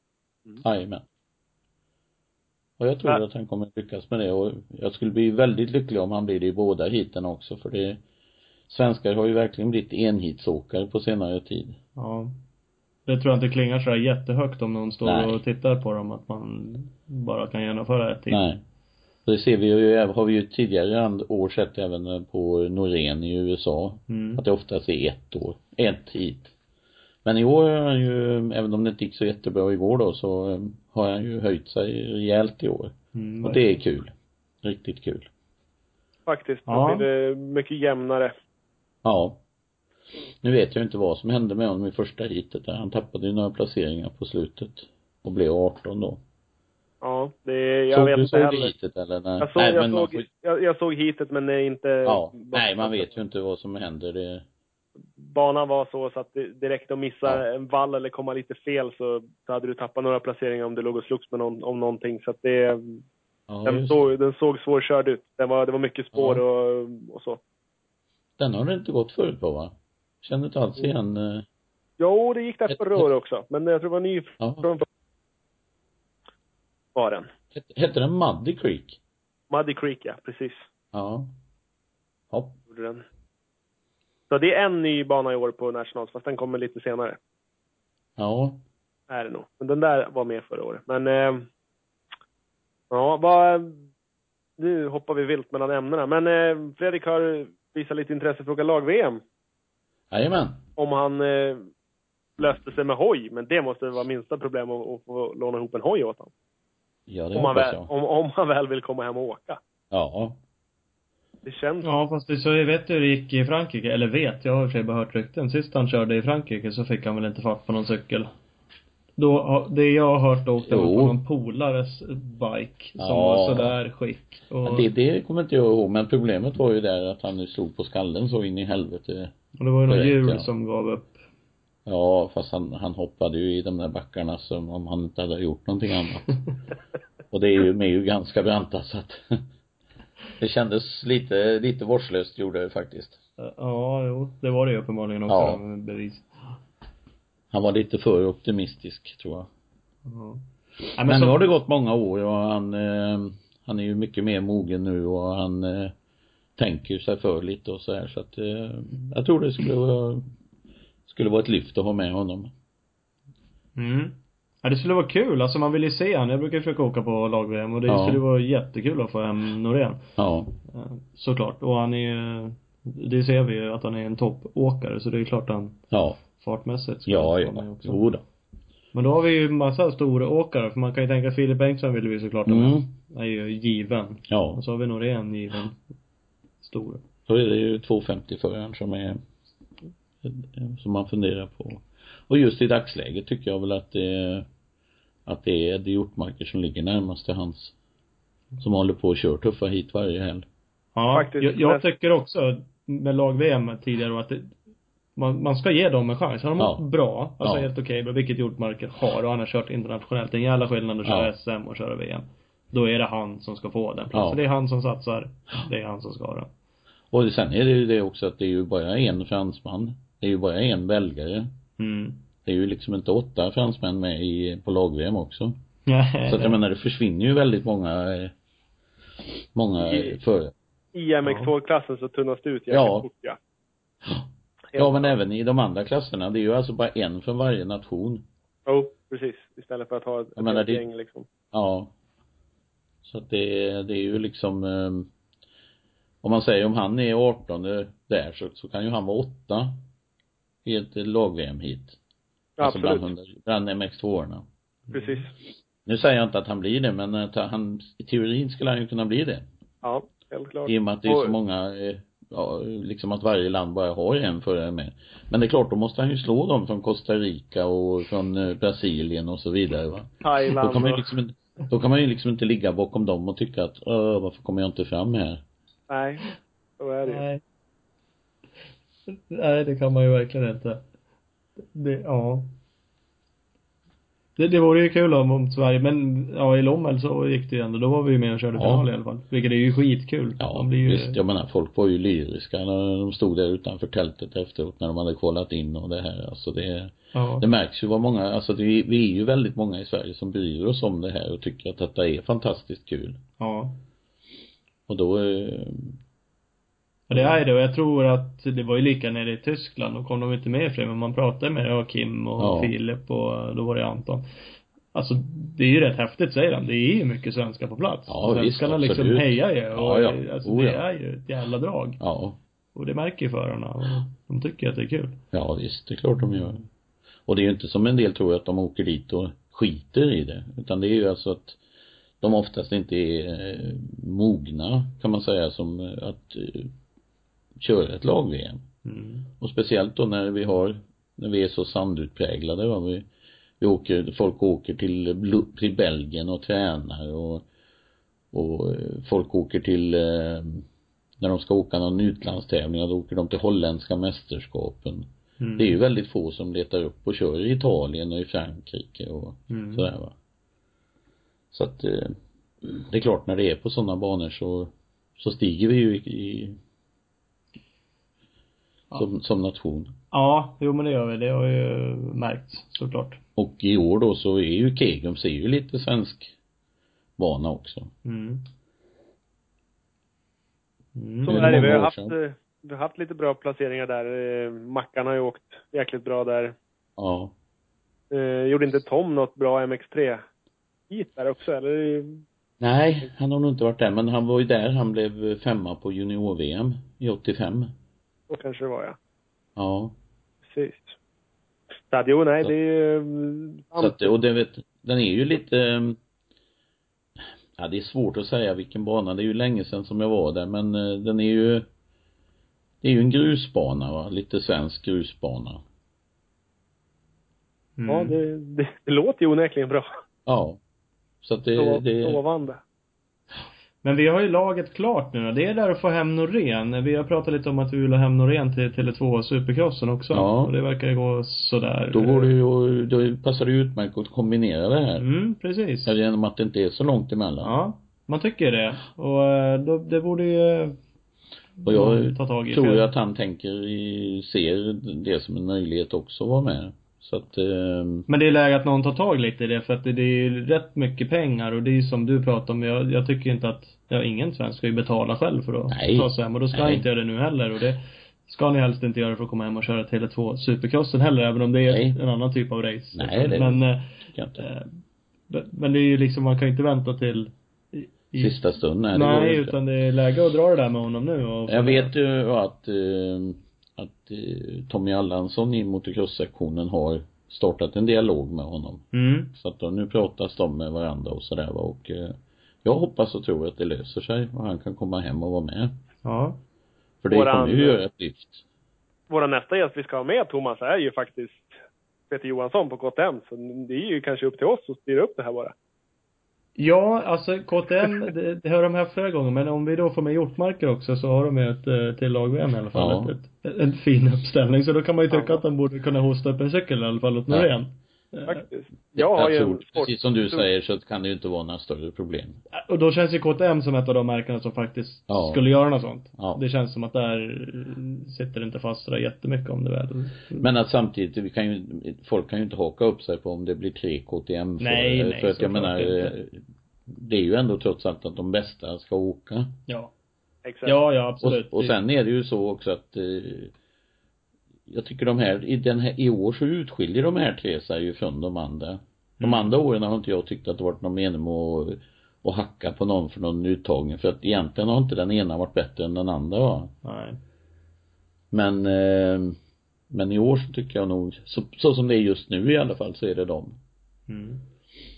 Ja, det skulle ju ja, förvåna mycket om det skulle bli något annat. Om nu det löser sig för Norén, att han kan komma hem. Ja, känns så det måste vi ju, så, så måste ju alla fortsätta vara hela naturligtvis. Precis, precis. Det är ju en förutsättning. Ja. Ja, men så är det. Jag vet inte om vi ska runda av lite, men du pratade förut om en förare som du tycker har eh, stuckit ut lite i år. Ken Bengtsson. Ja. I SM. Har du någon mer som du tycker liksom i SM har liksom visat? Ja, Tom Jonsson Ja, har ju verkligen stuckit ut. Absolut. Han, är, han har imponerat stort på mig. Vi har eh, de här tre eh, som körde 125 i USM förra året. Mm. Wicksell. Jimmy, Wicksell, eh, Alvin Östlund och Anton Gole. Ja. Tycker jag alla tre har gjort fantastiskt bra ifrån sig. Bidragit starkt till att heaten har blivit ännu roligare. Mm. Ja, helt väl- klart. De kommer in och är jävligt respektlösa. Ja. De, eh, Nu efter halva serien så ligger de ju alla tre bland de tio tror jag va. Mm. Jag tror det också. Det är ju ganska kul och ganska ovanligt. Ja. Ja, för det är inte så lätt att Nej. kliva upp. eh, Så, de är också unga och kommer från. Har vi några som vi inte tycker har gjort vad de borde ha gjort då? Ja, det har vi väl ett gäng. hur lång tid har det sig? ja. Ja, sen är frågan om jag ska sitta och, och, Ja. och, och direkt hänga ut dem. Men det, det är ju ett antal som eh, inte lever upp till, eh, till den hjälp de har, sponsorer och annat och sånt så att eh, det Mm. Alltså det är några som har haft lite kämpigt. Han ska ju köra, Mattias Andersson som körde så vansinnigt bra för några år sedan. Ja. Exempelvis ska ju åka VM nu också. Ja. Och det är kul. Men han har ju inte riktigt levererat sådär Nej, som han, eh, han har haft det tungt i år. Eh, Och det är han, när var han körde så riktigt bra? 2011 va? Ja, Och sen så skadade han sig då tyvärr och efter Ja. det har han ju inte riktigt kommit tillbaka. nej. Eh, Så Så, det, så han eh, har ju mycket att leva upp till. mm. Eh, Kim Lindström har ju i och för sig, nu bommar han lite i Ulricehamn. Mm. Han har ju trappat ner lite grann. Jobbar Ja. ju, börjar jobba exempel. Och det märks ju. Kör Ja. ju inte holländska som han har gjort tidigare och nu blir det inte VM i år och det har säkert själv valt kanske Ja. att han inte vill köra och, Men jag tycker ju ändå han, han har ju hållit sin standard Ja, i det. SM-heaterna. Ja. Så att eh, han tycker jag inte kan räknas dit. Nej, det kan och det är ju Ulricehamn att han bröt här Ja, där. jo men det är, det är ju, sånt Ja, där det- händer det ju så att, händer. ja. Helt klart.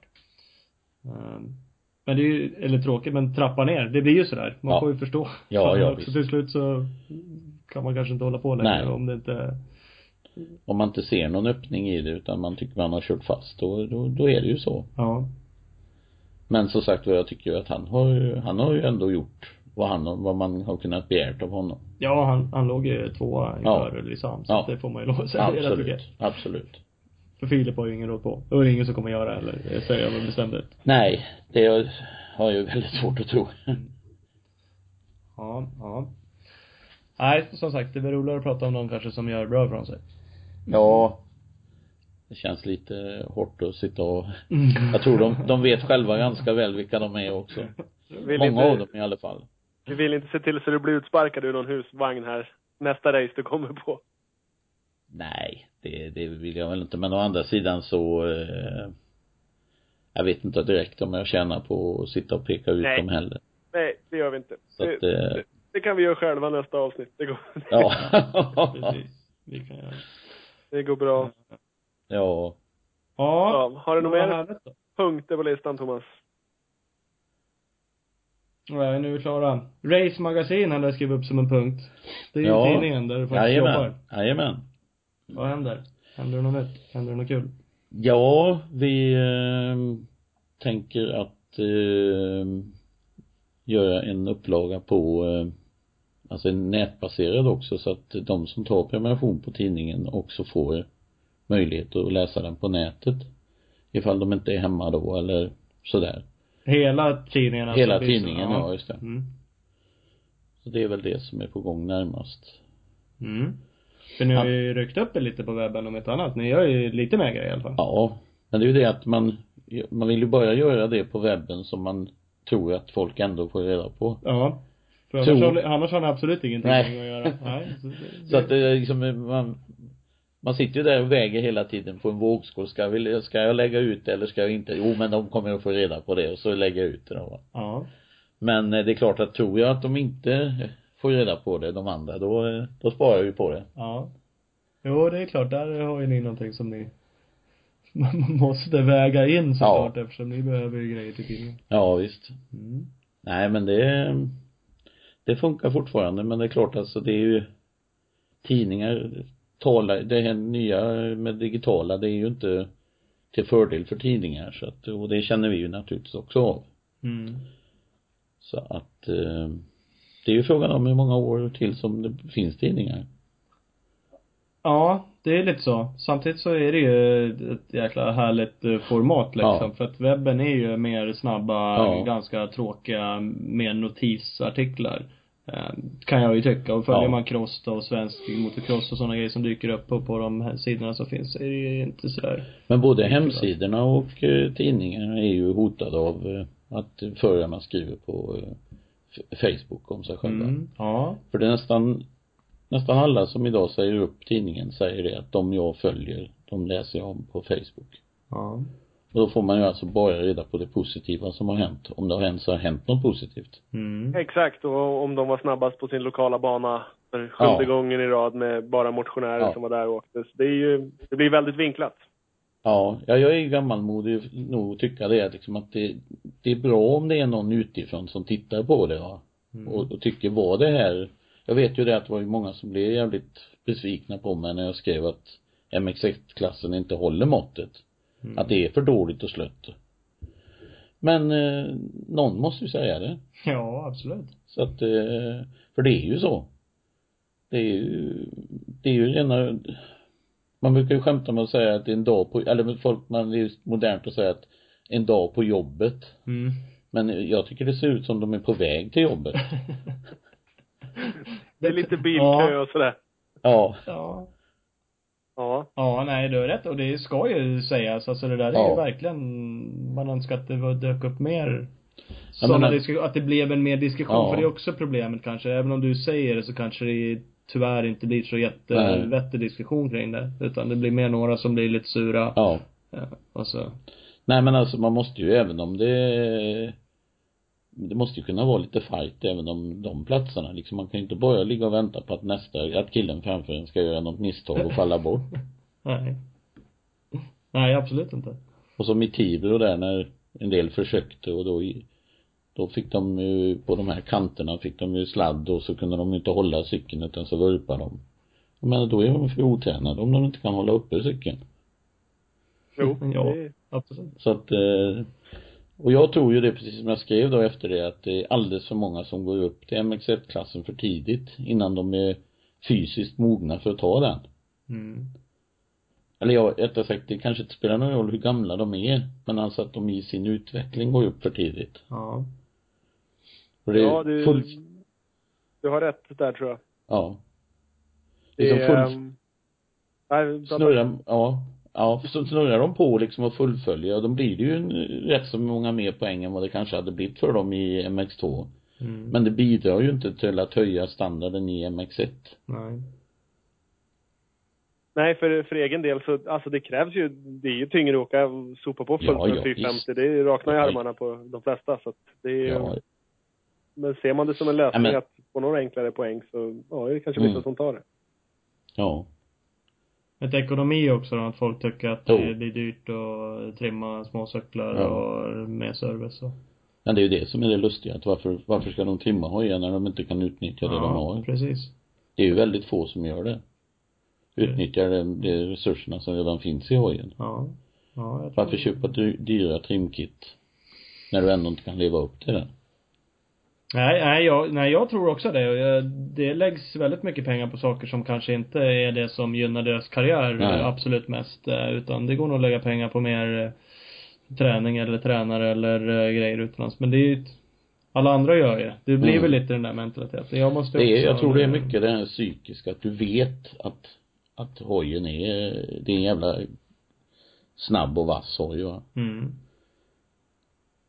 Ja, jag är, Ja. om man plockar ut valfri kille och satte han på en helt standardhoj så är jag inte säker på att han skulle tappa så många placeringar på det. Nej, det tror inte jag. Men han skulle hamna ungefär där han gör ändå. Ja, absolut.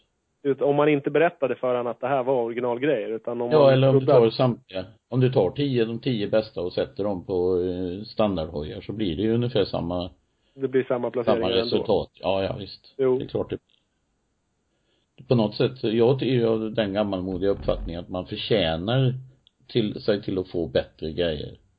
Och med att du har höjt dig själv så får du bättre grejer. Men idag genom att du med pengar kan köpa det bästa som finns från början så är det svårt att utvecklas också. Ja, helt Mm. klart. så är det ju.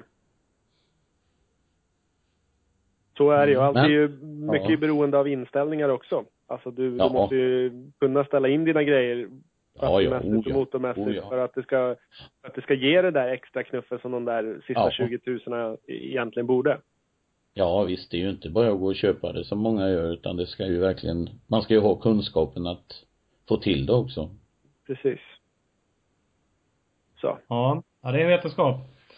Ja men, Helt klart. Ja, så är det. Men eh, jag tror att vi rundar av. Nu får du inte Ja, prata mer. jag fick in en, jag fick in en Ja. fråga. Jag fick in en Ja. fråga till faktiskt. Jag, för jag fick två. Det är ju sjukt engagemang. Ja, då får du avsluta med den. Ja, Robban Kvarnström, enduro-legendaren. Han, eh, han skrev att jag skulle fråga Hagren om du var impad av hans starter idag. det kan jag säga att jag var ja.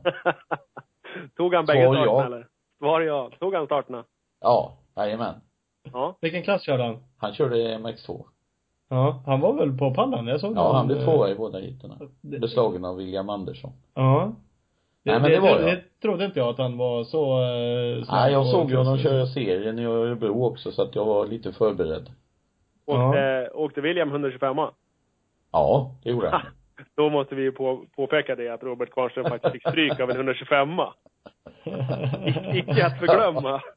Nej, precis. Ska han inte gå ut och vara kaxig här, tror jag. Nej, ta starterna är väl en sak, men att få spöa av en 125 det är inte lika ballt. Nej, precis. Nej, det är rätt. Ja. Så är det. Ge honom vad han tål. Ja, absolut. precis. Det ska han ha. Det ska han ha. Ja, nej men eh, sjukt stort tack att du ville vara med Jonas. Ja, precis. Stort tack Jonas att du var med. Tack själv. Var jäkligt kul. ja, det var det verkligen. Och vi eh, hörs av framöver såklart. Yes. Bra. Ja. Tack och hej. Tack och hej ja. Hej, hej. Ja, vi ska ju ringa Eddie Hjortmarker också. Som kör en full VM-säsong. Som en hel kär gör han det också. Mm, ja men det gör han ju verkligen. Eh, och han kommer ju såklart vara på plats, han är i alla fall anmäld, så vi antar att han kommer vara på plats, på plats i Uddevalla.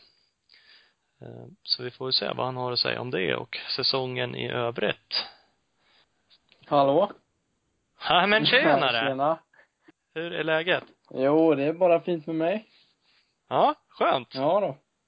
Ja, vad har du för dig? Eh, ja, just nu har jag inte för mig så mycket. Jag har, jag har stått och fixat lite med mina bikar hela dagen och sådär. Det har varit ganska lugn då. Ja. Så. Har man ingen fabriksmäck när man åker VM? Vad sa du nu?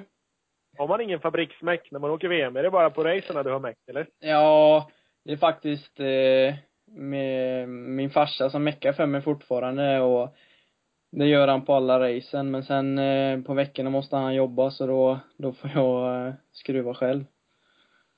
Ja, Så- det är bra. Så Det riktigt nyttigt. så lyxigt har jag det inte. du har inte det? Nej. Kan du skruva då, eller tror du bara det? Står du bara och putsar på sadeln, eller gör du något vettigt? Ja, Nej, jag kan nog allt skruva så det är inte, det händer väl att man står och torrmäckar en hel del men, nej jag, jag har skruvat rätt länge nu så man börjar komma underfund med det lite grann i alla fall. ja. Ja, men det är väl inte fel. Nej, nej. Ja, det, Det, Egent, bra- egentligen bra- kanske jävligt nyttigt att ha lite kunskap om det för att faktiskt få lite förståelse för en motorcykel. ja absolut, visst är det så.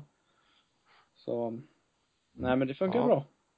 Ja, för det är dags, eller det är dags, du har ju kört VM hela året, men nu är det ju hemma GP här i Uddevalla. Ja, äntligen. Det känns, eh, det känns riktigt kul faktiskt att eh, för det första slippa åka så långt. Det är bara sju mil från där jag bor så så ja, det är skönt med ett hemma-GP nu. Ja. Och det blir lite flänga annars. Ja, nu har jag ändå haft tur de två senaste åren att vi har, har kunnat flyga till alla tävlingar och så utomlands men eh, det blir ju ändå, det tar lite på krafterna det med att hålla på och resa hela tiden så så det känns, det känns skönt i denna helgen nu att det inte att det inte blir så mycket resande. Nej, precis. För du Oavsett- kör ju en, Oavsett om man flyger så blir det ändå rätt, alltså många resdagar. Det tar ju en stund man ska till flyger och ner och det är sällan flygplatsen ligger precis bredvid crossbanan med. Ja, och precis. Det, det kan vara, eh, jag vet som i, jag tror det var i Frankrike så eh, flög vi dit, eh, tog över två timmar ungefär, men sen fick vi åka bil i fem timmar från flygplatsen då för att det fanns inga flyg närmare så det blir lite resande ändå. ja, jo, helt klart. Ja, Det finns väl roligare saker att göra. jo. Eh, Men du flyger ju till, du kör ju för ett VM till, det är första året i år va, med det här teamet du har nu? Ja, det är egentligen andra året eftersom jag körde ju EM för dem förra året med. Men eh, nu har de bytt namn till i år då. Och eh, eftersom de har fått hjälp av Cross Enduro-kompaniet i Sverige. Så eh, nu heter det ju då CEC IS Racing och förra året hette det Riga mot Cross Team. Men eh, som sagt så förra året körde jag alltså EM för dem men har steppat upp till VM i år då. Ja. För det är något samarbete, jag har knappt eh, förstått hur, eh, berätta bara om teamet. Ja, alltså Cross Enduro kompaniet har ju gått in som huvudsponsor då. Och, och så är det även lite andra svenska företag som, eh, som Duells. Som är också med och hjälper till väldigt mycket. Men så eh, Cross Enduro kompaniet är alltså huvud, huvudsponsorn som, eh, som hjälper till mest och eh, därför blev också namnet så, CEC. Ja. Så, um, För annars är så basen är inte, för det är någon lettiskt va, heter han Ivo, är han teamchef? Ja, precis. Ivo Steinbergs, som är teamchef från, från Lettland och även hela personalen i, i teamet som är, som är på alla tävlingar och så, de, de är lettländare. Och, Mm. eh, så det är ju ett lettländskt team i, i grund och botten. Ja. Ja, men det är, är det klart någonting, eller vet du hur nästa, eller framöver det ser ut? Kommer det bli fortsättning i det här teamet och fortsättning i VM, eller är det? Tanken är ju att jag, att jag ska köra för dem, för det, samma team nästa år. Men eh, Ja. det är inte riktigt klart ännu. utan Det, det finns ju andra möjligheter och kanske att jag får, får något bättre erbjudande från något annat ställe men det, det får vi se. Men som det ser ut just nu så, så är ingenting klart utan jag ska, jag ska köra klart detta året och fortsätta satsa och hoppas på VM även, eh, även nästa år då. Så får vi se sen vad det blir för team. Mm. Men du har en rätt långsiktig satsning. Du sa ju det Ola tidigare, det var, vi pratade om det innan. Att du har ju satsat utomlands länge egentligen. Från när du var liten. Ja, precis. Eh, nej, jag vet inte riktigt när jag började köra EM, men eh, det var ju någon gång på 85 där när jag var runt 14 år. Jag började åka utomlands. Eh, jag åkte aldrig riktigt någon full säsong då, utan mer prövade på lite EM och sådär. Ehm, så det var väl egentligen när jag gick upp på 250 där, eh, andra året jag körde 250 som jag började satsa full EM-säsong. Så jag har åkt full säsong ända fram till, till och med förra året då, i EM. Mm. Så det, Ja, vi, Ja. vi nämnde det att du har ju liksom halvt flyger lite under radarn här hemma. Det är inte så många som, som har haft koll på att du har varit ute och åkt de racerna. Det, det har inte fått så jättemycket uppmärksamhet för det ändå, även fast du har åkt fulla säsonger, vad man har märkt i alla fall. Nej, eh, det, det skrivs, eller i alla fall när jag körde så var det inte så stor eh, eh, uppmärksamhet runt EM och det där och kanske för att jag inte var någon direkt toppåkare så utan jag har alltid, har alltid varit så att jag har fått kämpa mig, kämpa mig igenom och ehm, varje år och försöka verkligen jobba för det, att bli bättre och bättre och det är väl först nu senaste åren här som det har börjat släppa lite grann och som det blir bättre och bättre. Så det är väl egentligen det att jag aldrig gjort några riktiga toppresultat internationellt som gjort att eh, det har blivit så mycket publicitet om det då. Ja, precis. Men du har ändå alltid varit där ute och åkt, ja, som du säger, du har fått kämpa för varje resultat och åkt svåra hit mot, mot svårt motstånd istället för, ja, varit kvar här hemma och sladda runt i Stockholmscrossen typ. Ja, precis, för det är ju det som är mitt mål. Jag vill ju slå mig in eh, internationellt och bli en toppåkare och försöka bli etablerad VM-förare så, och då måste man göra som jag har gjort. Eh, att åka utomlands och skaffa sig rutin så det är i alla fall det de andra gör som ligger där ute och drar. De åker internationellt och så Precis, det, precis. det, det är den vägen jag också försöker gå då. Mm. Ja, men det är nog helt rätt. Alltså, eh, absolut. Jag tror det också som lekman såklart. Men, och, och det är bra att förhoppningsvis får du fortsätta köra flera säsonger efter varandra liksom och kan ha en ganska långsiktig satsning. För jag tror det är också rätt avgörande Ja. att känna att man kan ha det. Ja, precis så är det eh, Som sagt, eh, det blir mer och mer rutin för varje race och det gäller bara att hänga i så, så länge som möjligt eller så att jag göra framsteg hela tiden så och hoppas att jag når toppen till slut. Ja, ja men verkligen. Hur, hur känns säsongen så här långt då, om man säger framförallt ute i VM? Ja, det, det började faktiskt bra. Nu körde inte jag de eh, tre första som gick eh, overseas då, som man kallar det. Eh, utan jag körde mitt första VM i Italien. Som var, var den fjärde deltävlingen och jag tog poäng redan då och det var inte riktigt vad jag hade, hade räknat med. Eh, men sen, eh, ja, sen har det rullat på bra. Jag har plockat 13 poäng sammanlagt tror jag. Och mitt mål är väl att försöka plocka så mycket poäng jag kan, men framförallt då att skaffa rutin. Så, um, eh, hittills har det gått bra. Det har varit lite småskador och sådär, lite, lite smällar som jag har tagit. Med några brutna revben och så eh, lite lättare nyckelbensskada då. Eh, Mm. Men det är väl, jag antar att det är sånt man får ta sig här första året när man ska inskola sig. Precis. Kriga om det. Jaha. Så är det bara att byta Ja, ihop. precis. Det är ju Ja, lite annat tempo, så det är ju ganska, ganska kanske givet att, att det händer mera grejer. Ja, jo så är det ju. Man, eh, jag går i alla fall alltid ut med 110 procent och ger allt jag kan, för det är det man måste om man ska ha, ha chans på, på att slåss om poäng med de här gubbarna, så eh, då är det lätt att det, det blir några smällar ibland. Ja. Jo, men det är ju så.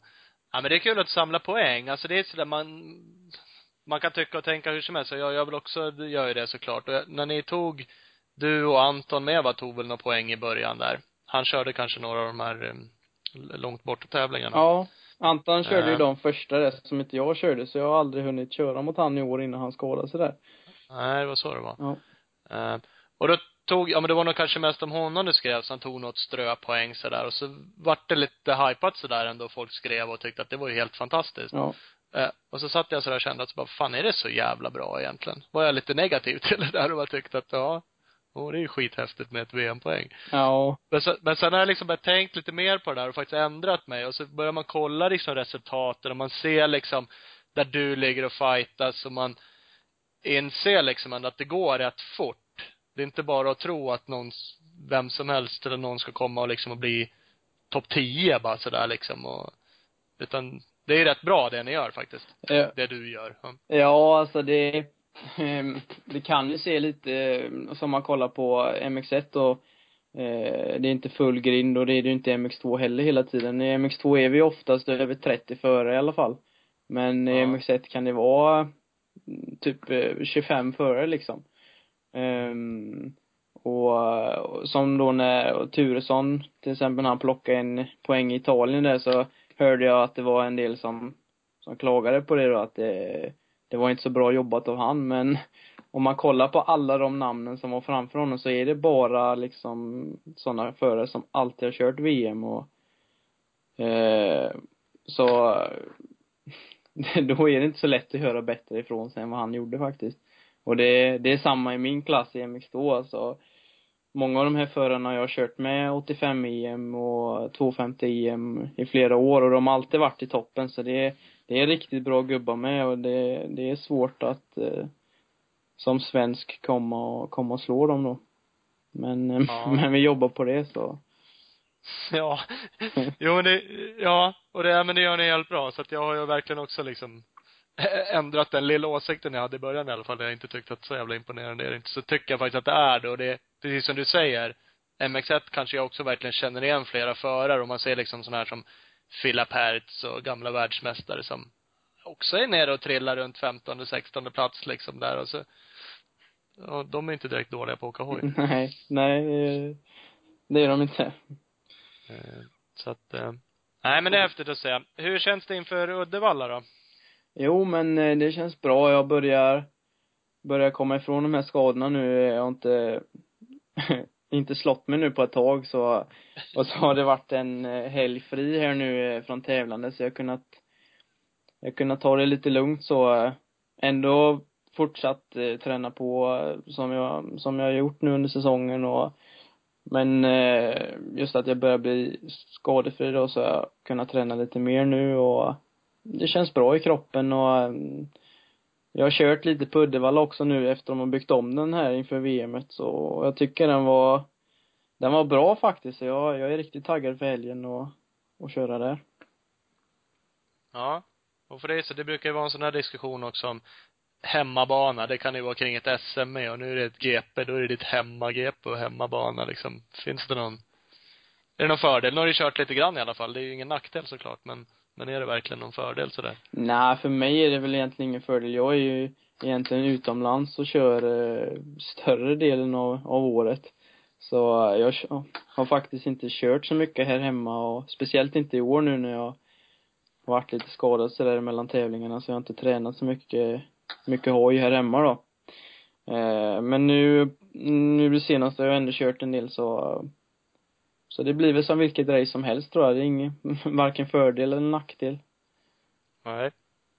Men, eh, det bra? men jag tycker om eh, Uddevallabanan så, så, så det känns bra så. det är ändå lätt att det blir liksom jag vet Turesson har sagt att det blir extra mycket eh, just när han ska åka hemma GP och det är mycket folk, mycket kompisar, mycket sånt där. Att det, att det blir värre då än vad det är normalt. Är du i Italien så ja, då får du vara lite fred ändå. Du blir inte så igenkänd som du kanske blir hemma. Är det någon skillnad så? Ja, det, det är klart det är ju nu är det ju eh, en hel del svenskar som kommer och kollar och sådär och eh, det brukar det väl inte vara riktigt eh, på tävlingarna utomlands då men eh, så så sätt är det är ju är det väl lite press då men jag känner inte riktigt så utan jag tycker mer det ska bli roligt att eh, få, eh, få, få köra för en svensk publik liksom och ehm, och bara göra så bra vi kan och försöka försöka lyfta fram Sverige och göra, göra bra resultat. Ja, det, det låter ju grymt. Det är ju liksom, vad ska jag säga, du har ju ändå en, en VM-plats. Du har ju åkt alla VM, så du är ju där för att åka VM. Du är inte där med, med dina egna svenska sponsorer och din egen svenska satsning så och måste visa alla vad du, vad du kan. Utan ja, du har ju liksom de grejerna ändå. Så det Ja, kanske precis. gör att det blir lite lugnare för dig. Just ett sånt här race. Har du, har du åkt, eh, du har inte åkt något Uddevalla-VM förut va? Jo, jag körde 2012 körde jag faktiskt eh, VM i Uddevalla. Okej. Eh, och eh, det var ett riktigt mudrace då så men det gick faktiskt ganska bra ändå. Det blev ju inga poäng då men eh, jag tog det som en kul grej bara eftersom jag låg eh, rätt bra till SM. Jag kommer inte ihåg riktigt var jag låg men så så gjorde jag en intresseanmälan och så, så fick jag köra där. Så, så jag har faktiskt kört ett GP där innan så, så så sätt känns det, känns det bra. Då är du ju rutinerad. Klar bara. ja, ja precis. Ja, då ser vi fram, då blir det nog topp 10. Allt sämre än topp 10 blir jag besviken. Okej. Som du har kört för. Ja, jag ska Nej. jag kan. Ja, men det ska du fan göra. Alltså, hoppas självklart att det går, bra. Och det är ju, du ska ju försöka vända det där till någonting positivt. Det som möjligtvis kan vara en nervositet, att det är mycket svenskar där. För att det är ju, det kan ju vara en jävligt häftig grej. Man vet ju om du liksom skulle vara med och dra lite längre upp, vilket jävla drag det brukar kunna bli. Eh, På publiken. Ja, precis. Man får försöka göra en så bra start som möjligt och bara hänga med där uppe så länge det går. Så, och försöka bjuda publiken på en bra show. Ja. Och äh, jag vet inte hur det ser ut riktigt i MX2-klassen om, om Lundgren ska köra eller inte men an, som det ser ut annars så är jag ensam svensk där så. Ja, det gör ju det. Jag vet inte heller om det är hundra att han ska köra faktiskt. Så att, eh, ja, då är det du som får försvara. Det är lite svenskar i de andra klasserna, men då kanske du blir själv i MX2. Ja, precis. Så får se hur det blir där. Mm. Vad heter det, vi pratade lite lag-VM också. Apropå andra grejer. Då hade vi med dig på våran lag-VM-lista som vi I, tyckte. i, I våran helt inofficiella uttagning. Ja, så är det Okej, okej. ja, men det är bra. Det, det, det låter bra tycker jag. Det är ett första steg i alla fall. Ja, absolut.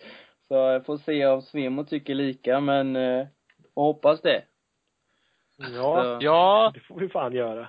det får vi faktiskt göra. Men vi, ja, nej men vi tyckte absolut det. Alltså du, ja nu har Lundgren varit borta, men du är ju den som satsar liksom och gör det jävligt bra och har internationell erfarenhet.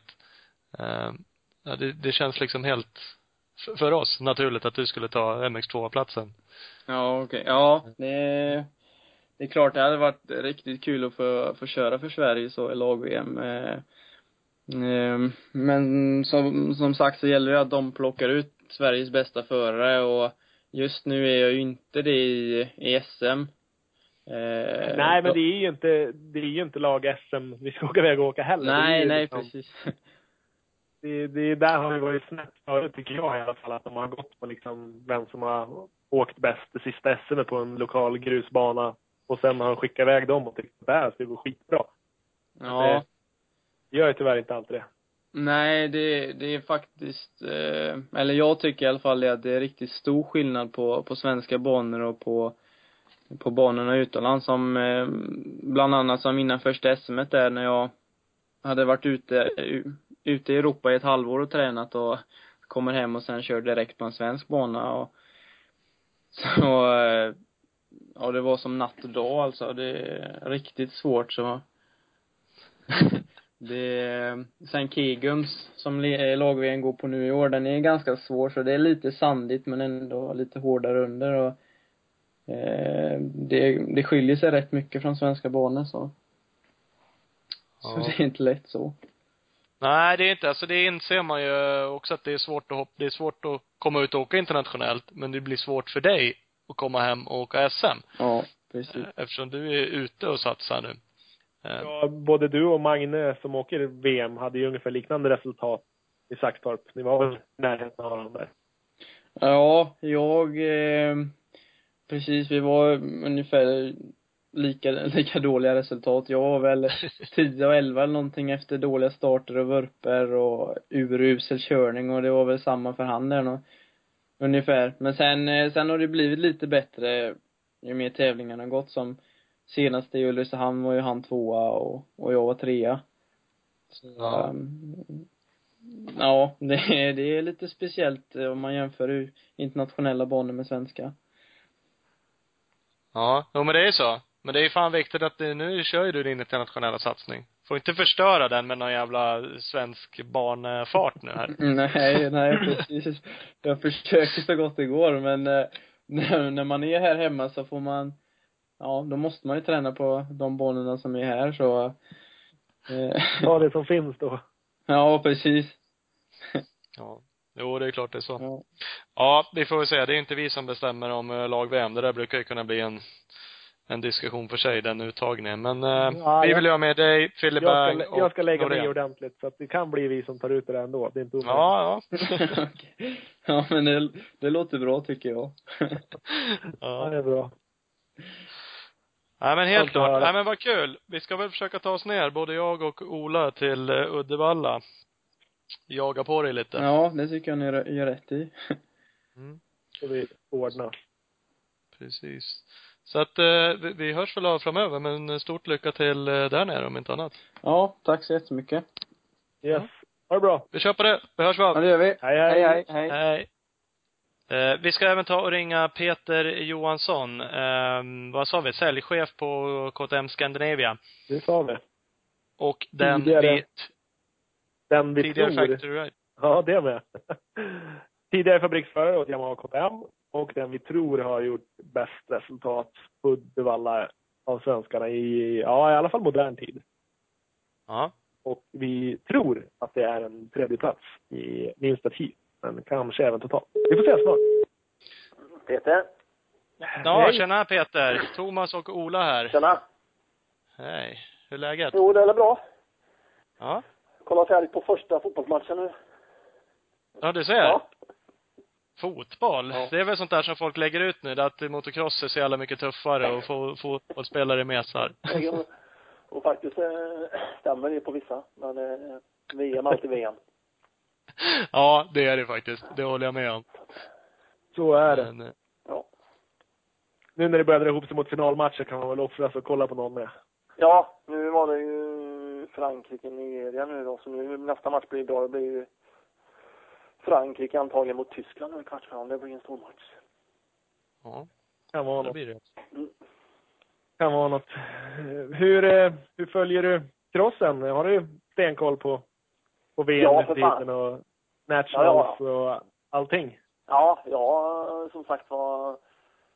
Jag brukar ju vara på alla SM och så. Och sen eh, VM men brukar ju faktiskt bara bli Uddevalla och kanske Belgien åka ner och hälsa på min gamla familj som jag bodde hos och så vidare då. Och sen alltid lag-VM då. Mm. Och sen då tittar man ju alltid på måndag morgon på nätet vad som har hänt över helgen. Både Precis. USA och, och VM, om man får inte det. Ja. Om man Ja, inte men har det är så. något. Nej, nej för fasen. det hänger kvar. Ja. Du jobbar ju faktiskt kvar i, i branschen. också. Det finns väl andra. Du har ju varit fabriksstjärna, tänkte jag säga. Och många andra kanske slutar i branschen, men du är ju kvar ja, så att, jo, det, det tillhör jobbet att man ska vara uppdaterad så att eh, så det, men jag tycker fortfarande det är fruktansvärt roligt att kolla på ja, för de här, när det, när det går undan, när det är riktigt bra chaufförer. Ja. Jo, men det är häftigt. Vi är ju insnöade i det här, så att det är ju klart, man sitter ju och, och du också såklart tittar ju på ett helt annat sätt också än vad den som inte har hållit på och åkt också. Mm. Så blir det ju lite annat. Och framförallt som en annan, jag, jag tittar ju ah, man blir ju, när man håller på så länge som jag har gjort så, så tittar man ju på mycket detaljer om man säger. eh, Det är kanske inte som i SM till exempel så står man ju och tittar på, man kanske inte tittar på vem som kör fortast utan man står och tittar på detaljer, hur de löser olika sorts problem och ifall de har någon tanke bakom det hela eller ifall det bara är tur eller och så blir det mer sånt som jag tittar på i SM och sen när det blir VM då, då tittar man naturligtvis på hur fruktansvärt fort de kör. Ja. Så att, eh, så det blir lite, Brukar det, går du in och eh, domderar bland förarna tänkte jag säga, i KTM-teamet eller någon annan? Brukar du ha åsikter om hur de kör eller tips eller? Eh, nej, alltså, jag, alla de chaufförerna som KTM sponsrar har jag sagt att vill ni ha min hjälp så får ni säga till. För det är lite, jag, jag tycker det är eh, lite lurigt att gå in och domdera som ni säger då, fall inte föraren föraren själv vill ha hjälpen ifrån mig. Mm. Och eh, då kan det bara bli värre liksom när jag säger till dem lägg i tvåan där istället för att köra på fyran och så vidare. Liksom fall inte han är mottagen för det hela. Mm. Men eh, vissa personer som man har lite bättre kontakt med, de kan man ju prata rätt om för de, det vet man. Och, och vissa liksom säger man ingenting till för man vet att eh, de har kanske har någon annan som litar på bättre. Och, och så vidare. Så det är lite olika från olika chaufförer. Men det är, får man säga så, förvånansvärt eh, lite frågor Mm. eh, till mig eh, överlag faktiskt. Det är jag lite förvånad över. Men det är liksom, vill de inte ha hjälp så vill de inte ha hjälp. Nej, så är det ju såklart om du har dessutom öppnat upp och sagt att det är okej. Okay. Men det där är lite känslan, vi brukar bolla det, jag och Ola lite sådär på våra lekmannasätt. Men att det är lite sådär, man, man crossåkare, man hjälper sig själv. Ja. Bara. Jo. Och det är konstigt. Ja, och det är väl eh, det är väl nackdelen i, i som jag ser det hela så jag hade mycket hjälp på vägen och man hade aldrig kunnat klara sig så långt som jag gjorde för att inte ha haft hjälp och som jag ser det mycket, mycket grejer eller mycket känner man inte när man kör. För man kan, för man, det finns, för man står vid sidan om så kan man se det, fast man känner inte när man kör. Både inställning på motorcykel och spårval och, och så vidare. Då måste man ju ha någon vid sidan om som säger att nej men här är det så här och så här och så här. Så att eh, man klarar inte allting själv helt enkelt. Nej, precis. Nej. Någon man litar på. Vi har ju dragit den parallellen med över till enduron som har Anders Eriksson som, som liksom hjälper till och, och har vansinnigt mycket rutin. Och det, det får man ju säga att du också har. Ja. Och, och liksom, ja, det är jättemycket mycket hjälp utav naturligtvis utav teamet först och främst nu det sista liksom när, teamen blev så stora så att man kunde ha, um, vi hade ju en teamchefer och, och vi hade mycket folk runt omkring oss som var duktiga då, ex-chaufförer och sen då innan det så hade jag ju brorsan som var med ute som också varit hög SM-nivå som kände mig ut och innan liksom som man litar på till hundra så att eh, det, man behöver ha hjälp helt enkelt så man kan hoppa över lite misstag och man inte behöver göra alla misstag själv. Ja, det, för man kan ju, känslan är att man borde kunna spida på saker lite grann då, istället för att bara uppfinna hjulet eh, varje gång liksom själv. Mm, jo, helt klart. Ja. Men det är, ja det är, men det är verkligen som du säger, det är, det är ju superviktigt och enda sättet att det ska funka är ju att personen eller föraren i det här fallet är liksom mottaglig. Annars är det ju som att stå och prata med en, med en vägg liksom. Ja, ja det är ju det. Är ju det. Och det ibland har man ju gjort det, inte nu men i början liksom när jag tog jobbet på KTM Scandinavia. Då liksom gick man ju in hårdare men man märkte ju rätt så snart att det var som att prata med en vägg. Och då, Mm. liksom, då kändes det ju meningslöst liksom att man la ner den tiden. Och då, då bestämde jag mig själv för att, nej men jag säger det här när vi kontrakterar chaufförerna. Ni får ta kontakten med mig ifall ni vill ha hjälp. Och då liksom, då, jag menar, när vi hade Jonas Wing och André och så liksom, det var ju en helt annan sak för de bor ju här och det var ju 24 timmar om dygnet som man stod behjälplig till dem. Ja. Och de verkligen, ville verkligen ha min hjälp och sen har det trappats av under, under, under färdens gång. Ja, det är lustigt det där. Alltså nog för att det, så, det var ju ett tag sedan du var eh, absolut toppåkare såklart och körde. Och man kan ju då tycka och tänka kanske att, ja, det är en svunnen tid. Vad ska du lära mig? Eh, Men vad, samtidigt så är det ju inte liksom skitlänge sedan och saker ser ju likadant ut. Visst, en motorcykel är lite annorlunda idag. Inställningar är lite annorlunda kanske till viss del beroende på att det är nya material. Men, eh, men träningsupplägg och ja, teknik till stor del också borde ju vara rätt så lika kan man tycka. Ja, det, jag, jag höll på så pass länge och om man säger, jag körde ju på Karlqvist era, om man säger då. Ja. Och sen höll jag ju på in i Stefan Everts era. Och eh, men jag kan ärligt erkänna att eh, runt, runt 96, 97, 98 där, eh, då, då hände det mycket just på inställning på motorcyklarna. Och efter det så, så tycker inte jag, vad man kan se, och jag har ju provkört vissa fabrikscyklar efter det, då är det inte jättestor skillnad mot vad vi hade. Sen har ju cyklarna liksom blivit mindre kubik och mer hästar och allt det här. Men just fjädringsmässigt så är det inte jättestor skillnad mot vad vi hade i slutet när jag la av då 2001. Så att, eh, men eh, när man började då, då, då hade man ju att fjädringen, eller att hjulet alltid skulle gå, följa backen. Det var liksom, det var ju det man s- sökte. Och vi Mm. körde med kameror och vi körde med datorer på motorcyklarna och så vidare då, redan då. Men eh, så är det inte längre utan det är ju, man ska köra så fort som möjligt under ett varv och sen hur fjädring fungerar så är det skitsamma egentligen så länge chauffören känner sig säker på motorcykeln. Ja, precis.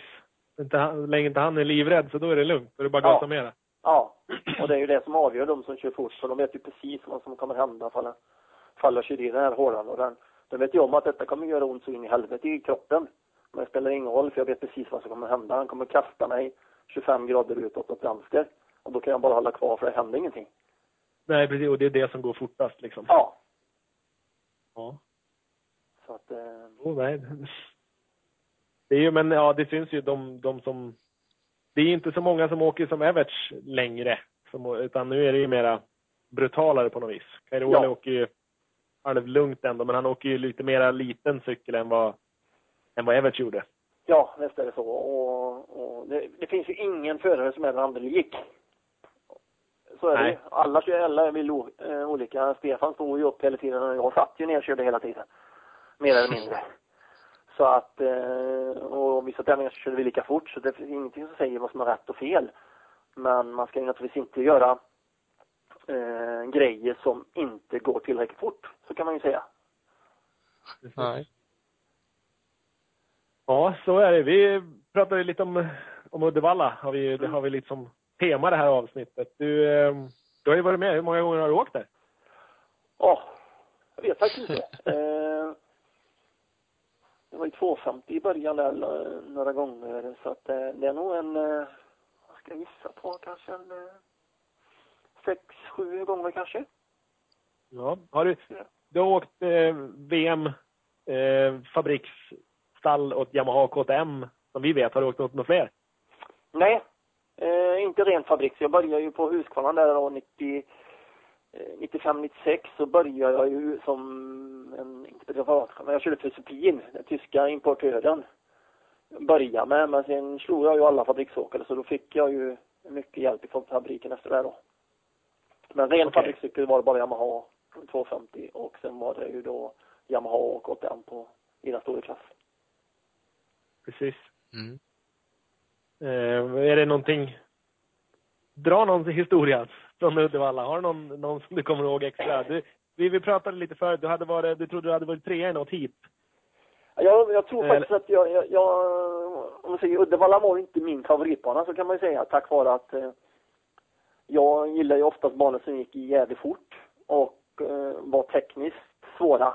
Inte nu med dubbelhopp och trippelhopp och så utan för det är ju bara en sak att våga utan mycket mer feldoserat. Och sen fick det Okej. gärna gå jävligt fort då liksom och Uddevalla hade väl ingenting till det. Så att eh, jag fick väl aldrig riktigt till. Jag tror till och med att jag, jag kan ha varit tre totalt någon gång och jag var fyra rätt så många gånger och, i den stora klassen då. Mm. Och eh, det året som egentligen det året som i den stora klassen hade chans att vinna då, det var ju då 99 då på, men då då uh, vurpade jag ju bort mig när jag låg och jagade Bartolini då. Så att eh, då sket det ju sig. Så att, eh, men eh, sen har det varit lite vurpor och så här, men det, man hade ju det var ju tusan, det var ju ett år som som det blev rödflagg. Jag tog ju starten i den ena hittills så, så blev det rödflagg direkt.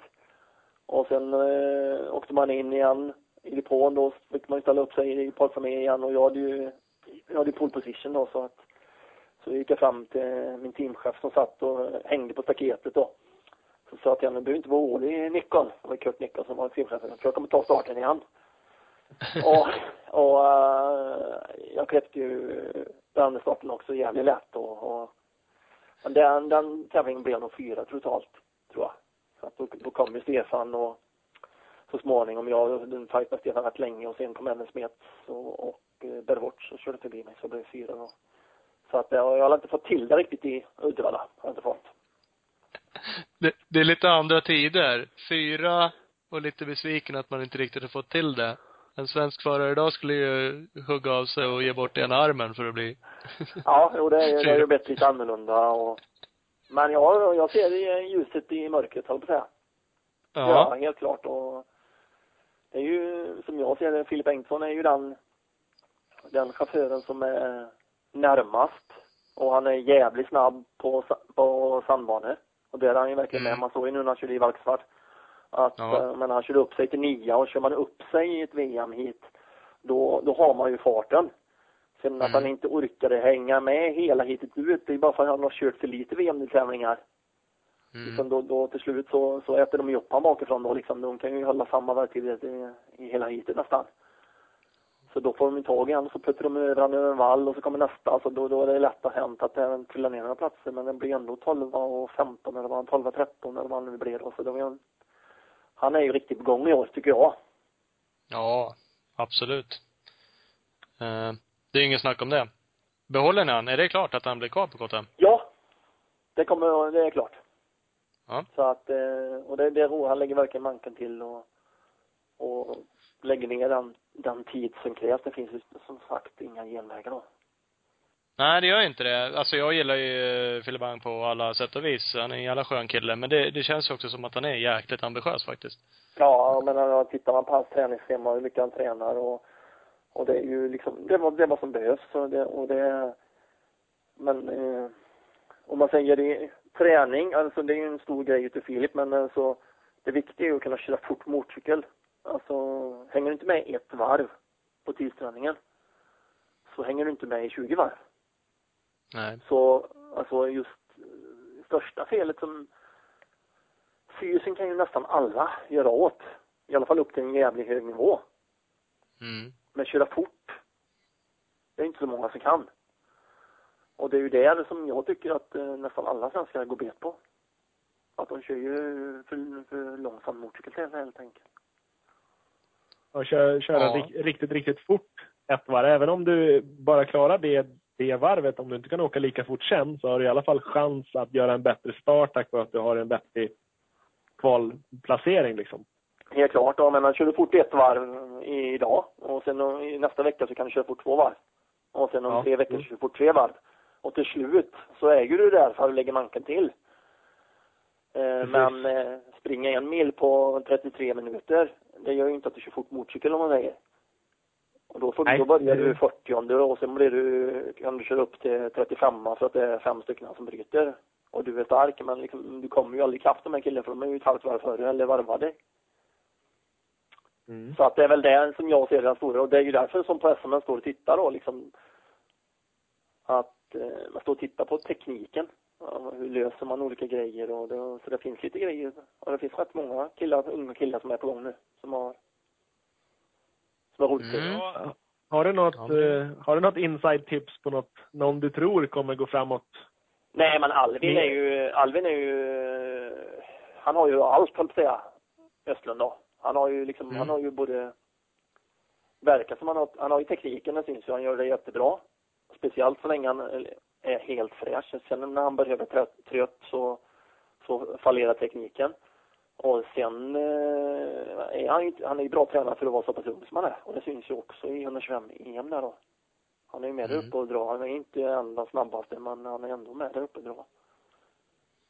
Sen var det roligt att se i Ulricehamn, eh, eh, Isak, eh, den där Lelle, Isak Gift. Ja. Alltså, för att vara så liten som han är och lösa det så bra, då får man ju, då måste man ju köra smart. ja. Och det var riktigt roligt att se hur han löste hålor och kurvteknik och spår och allting. Alltså det är också roligt att se.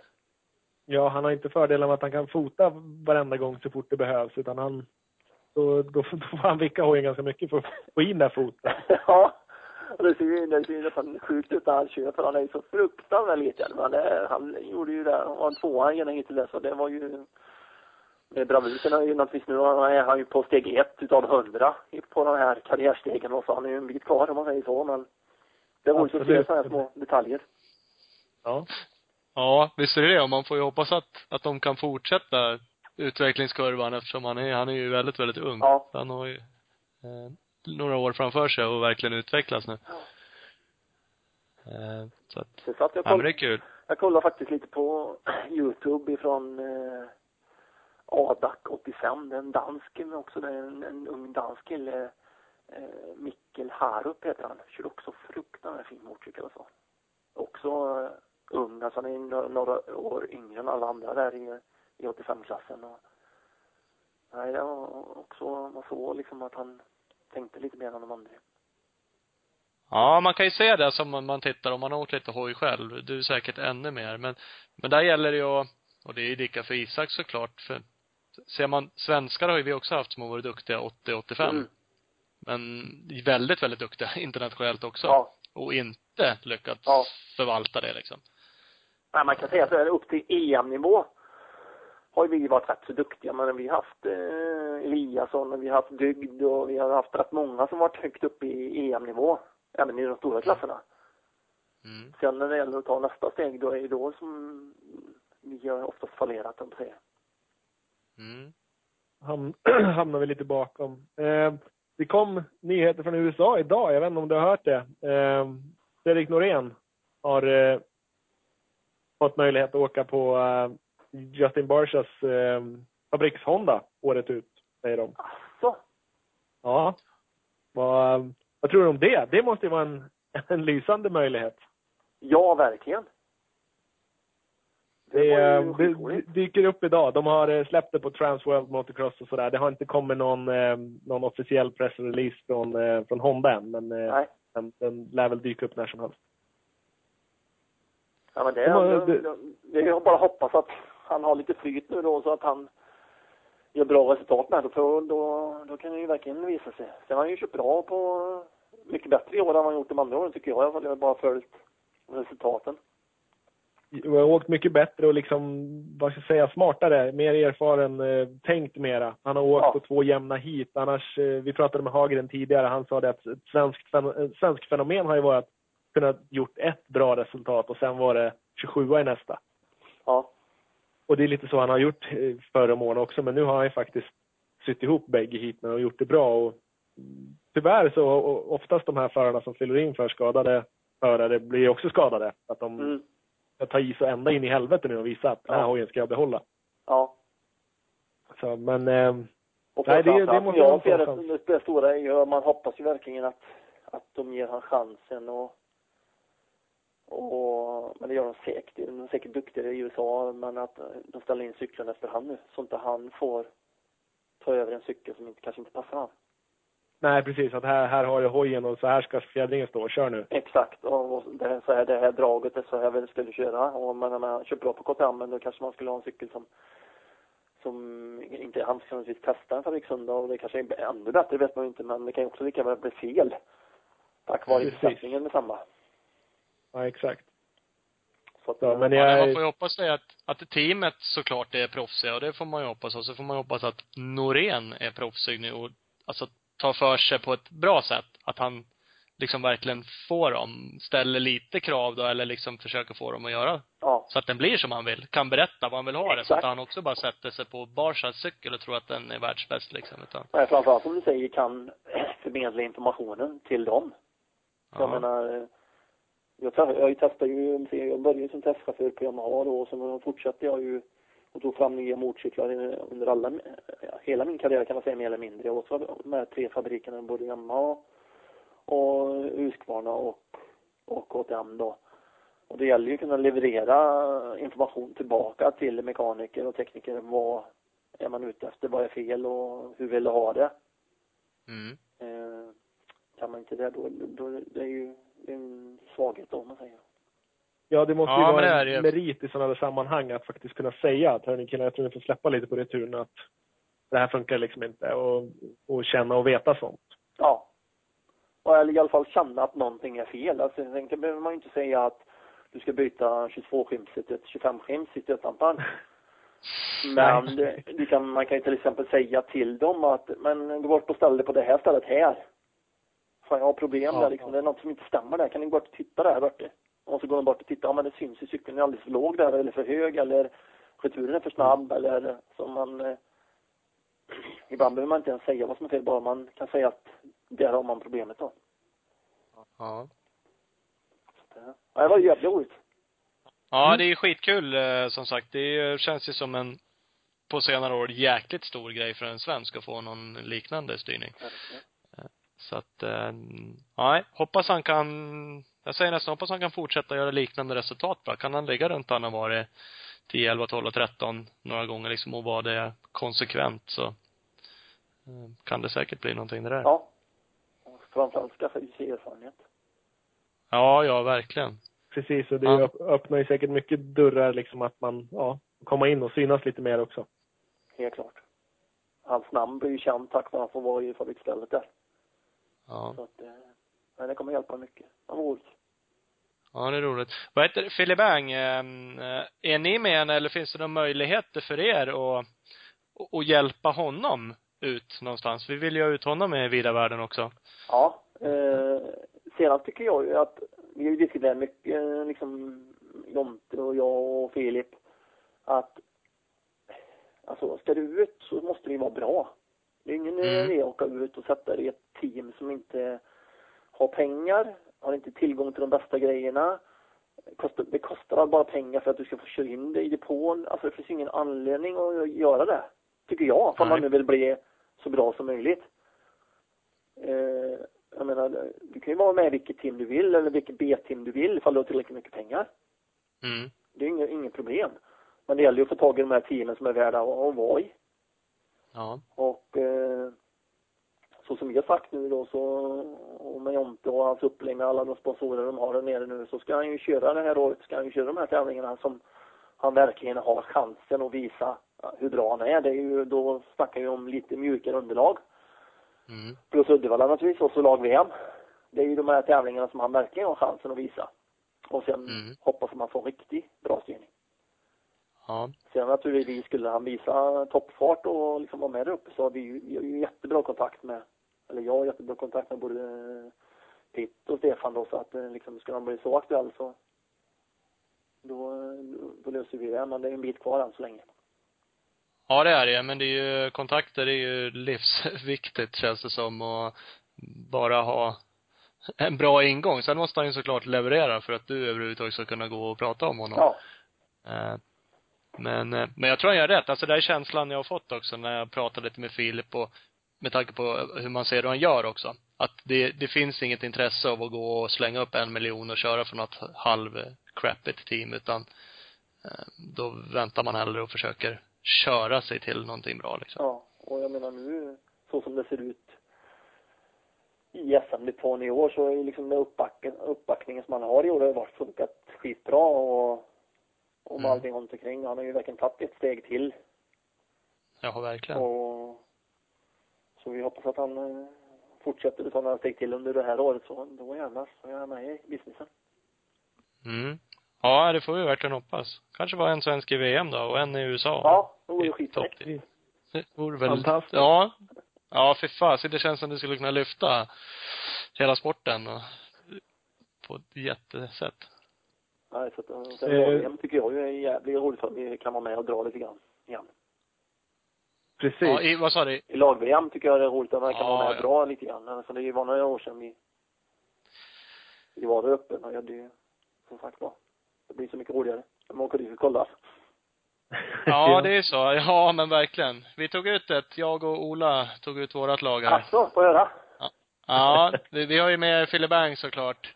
Eh, överlägsen. Men sen plockar vi ut Norén också faktiskt, tycker vi ska få komma hem och vara med. Mm. Eh, och sen eh, Eddie Hjortmarker känner vi den som liksom verkligen har åkt mest internationellt och har rutin för att åka fort bland andra snabba förare. Eh, så det, ja, där hade vi våran uppställning. Har du någon, något eget tips? Nej, alltså om man säger så här så tycker jag ju att Norén och Filip Ang, de är självskrivna. Mm. tycker jag. Alltså det finns ingen, eh, ingen som man kan ta bort det mera. Och, och sen om man ser på, nu eftersom det är lite sand. Och det är synd att inte Kalle har, har lyckats. Alltså, för Kalle kör ju fort motorcykel. Mm. Och han är ju den enda som har kunnat ge Heibyn en riktig match i, i Saxtorp och så vidare. Det är mjukt. Ja. Men nu, man vet inte de här huvudskadorna som de har nu och, och eh, hjärnskakningar och så vidare så att då är det ju jag, jag hade haft, jag hade Kalle eller Eddie då. Det är de två som jag tycker man kan välja mellan. Mm. Ja, absolut. Du har ju rätt. Kalle är ju kanske den som Ja, jo men han har ju visat bra fart. När han åker fort så åker han ju Ja, fort och det är, det, är ju, det är ju det. Han åker ju, han är inte alls, det är, det är en chansvarning, han är inte alls lika stabil som Eddie för det är ju det runt 18, 20, 17 ibland och så vidare i, i VM så han, eh, han gör ju aldrig bort sig. Nej. Aldrig. Och duktig tränare, alltså han är en riktigt bra tränare och han talar med det hela och så vidare.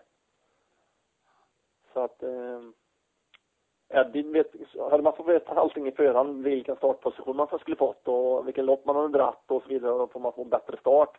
Då, då hade det varit mycket enklare, men det vet man inte nu. Nej. Så. Nej, man gör ju inte det. Så är det ju. Ja. Eh, Norén, Ja, ja. Norén hade väl funderingar på om han skulle få tag på någon hoj om han kom hem och då, där sitter ju du lämpligt till Peter. Ja, faktiskt. Alltså, Satt i alla fall. jag fick ingen Honda åt han. Men, Nej, det är det. Nej, men jag har redan meddelat Semo att eh, vi ställer upp med hojar till Fredrik ifall han blir uttagen. Det är ju- låter ju Ja. fantastiskt. Jag tänkte låna ut min Suzuki annars, men det, det, det är ju bara en MX2-hoj så att. Ja. Nej, så jag har meddelat Så det- att eh, vi, vi löser det ifall, ifall han nu eh, vill köra och han ska köra KTM så, så löser vi det. Ja. Det är sånt där man vill höra. Men det, det känns som att ni är lite på tårna ändå jämfört med många andra märken kan man väl säga i alla fall. Att KTM liksom, typ en sån här Ja. sak. Hör av sig innan det är klart Ja. liksom. Det är väl fan så man vill att det ska vara. Nej, men alltså, jag vet inte varför det är så, men vi, vi, vi tycker om vårt jobb, så kan man säga. Mm. Ja. Ja. Det, det är bra. Och jag tycker faktiskt att det märks. Helt klart. Ni, ni gör det jäkligt bra. Och ja, som, som Thomas sa, sånt där är jävligt kul att höra. Eh, Det främjar, främjar ju hela sporten som sådan. det, det optimala är i vart fall att han nu börjar lyckas där borta, att han får ta med sig en fabrikssöndag. Ja, Ja, precis. Men Det hade ju varit någonting. det kanske är lite risk, men eh, ja. Det, Ja, man vet ju aldrig. Nej, nej, absolut. Det är inte omöjligt. Allt kan hända. Ja. Så. Apropå körning själv, nu kommer jag att tänka på, det är ju faktiskt en klass, eh, eh, veteranklassen. Mm.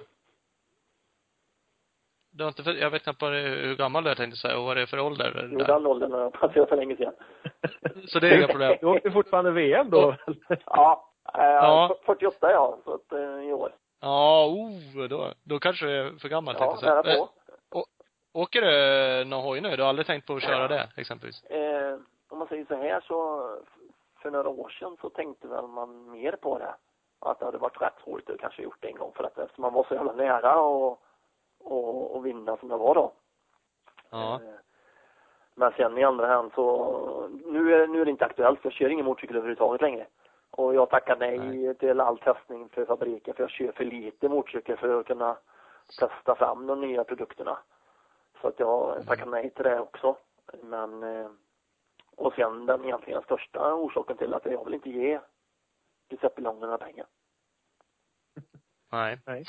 Nej. Det är en- en Ja, nog så bra anledning.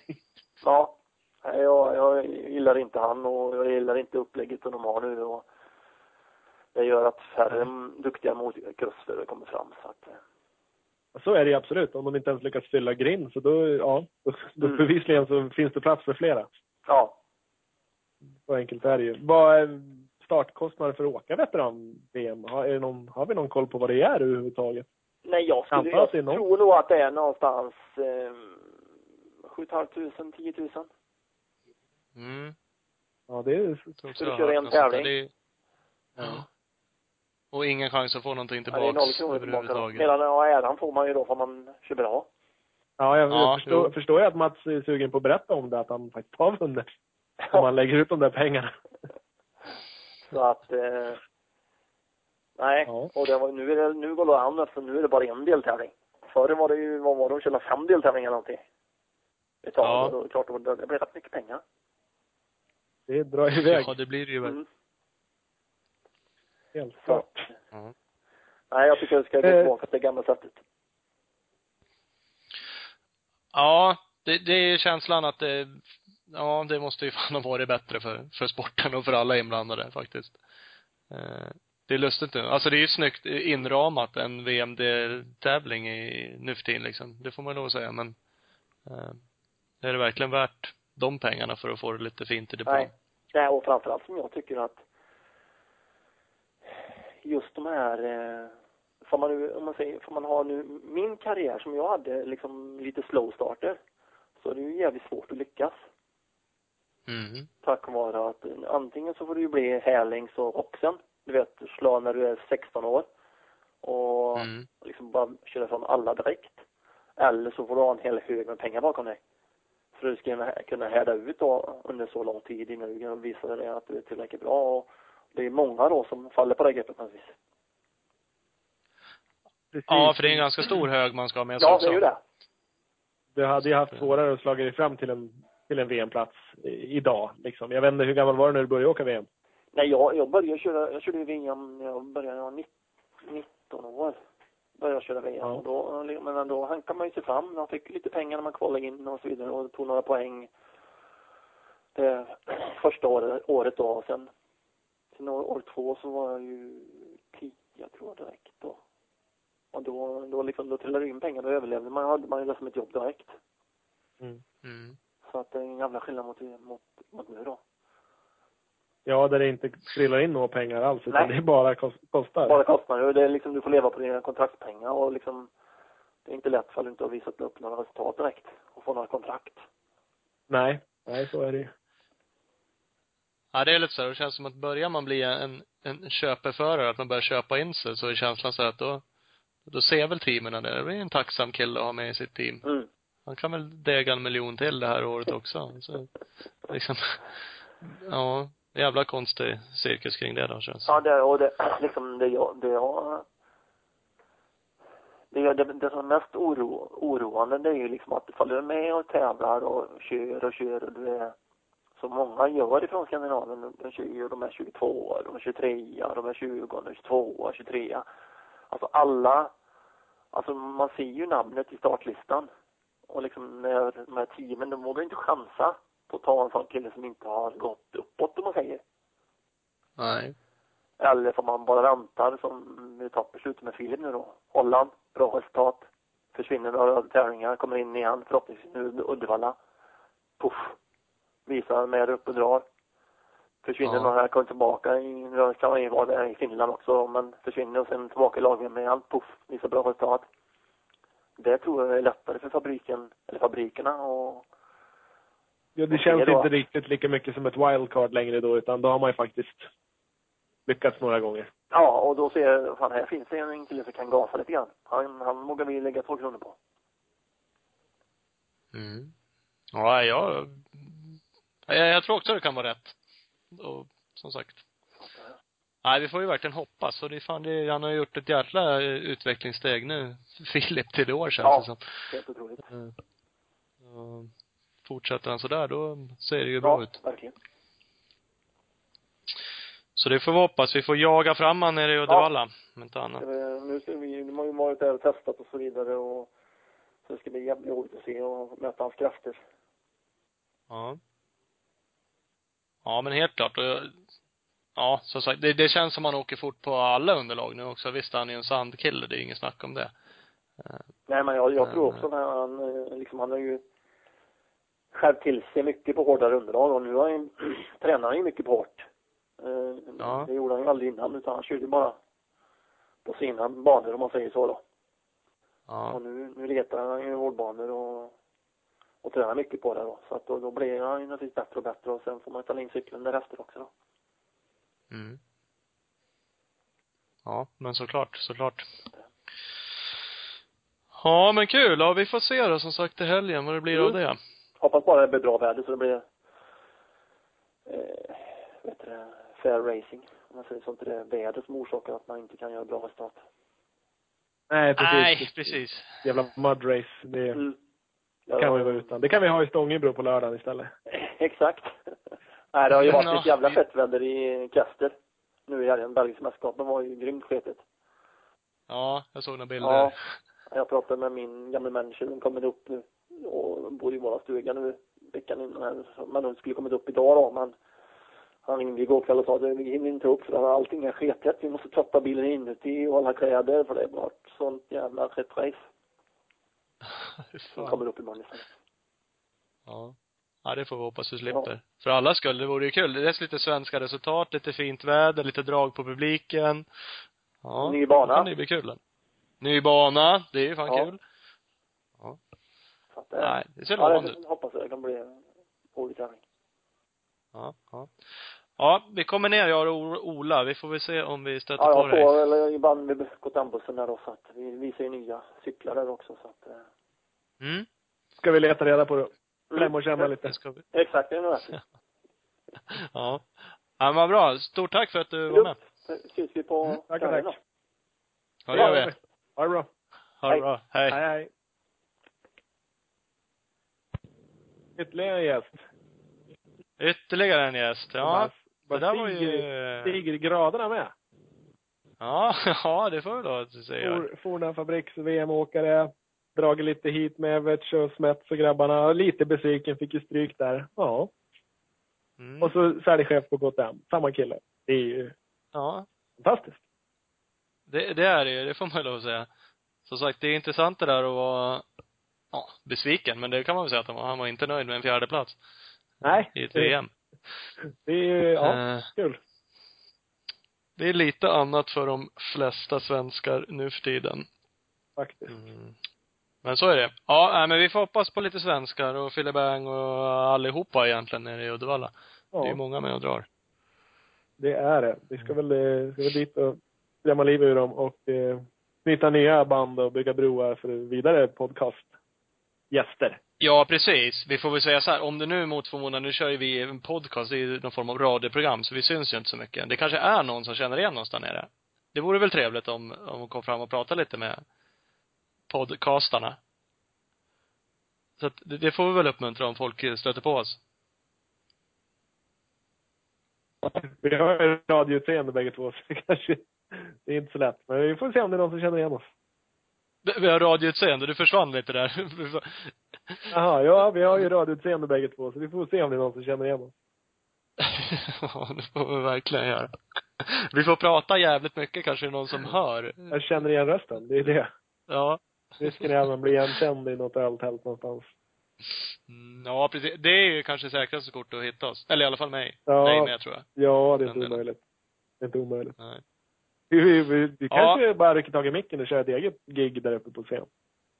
Ja, vem vet. Ja, vem, vem vet? Kan, hända, kan hända mycket en Ja, faktiskt. sen kväll. Så är det. Ja, så är det. Nej men fan bra Ola. Massa roliga gäster i det här programmet. Men nu eh, avslutar vi det här. Fantastiskt långt avsnitt med, så att eh, vi kör på det. Vi hörs Ja. igen nästa gång. Det gör vi. Hej, Tack och hej. hej.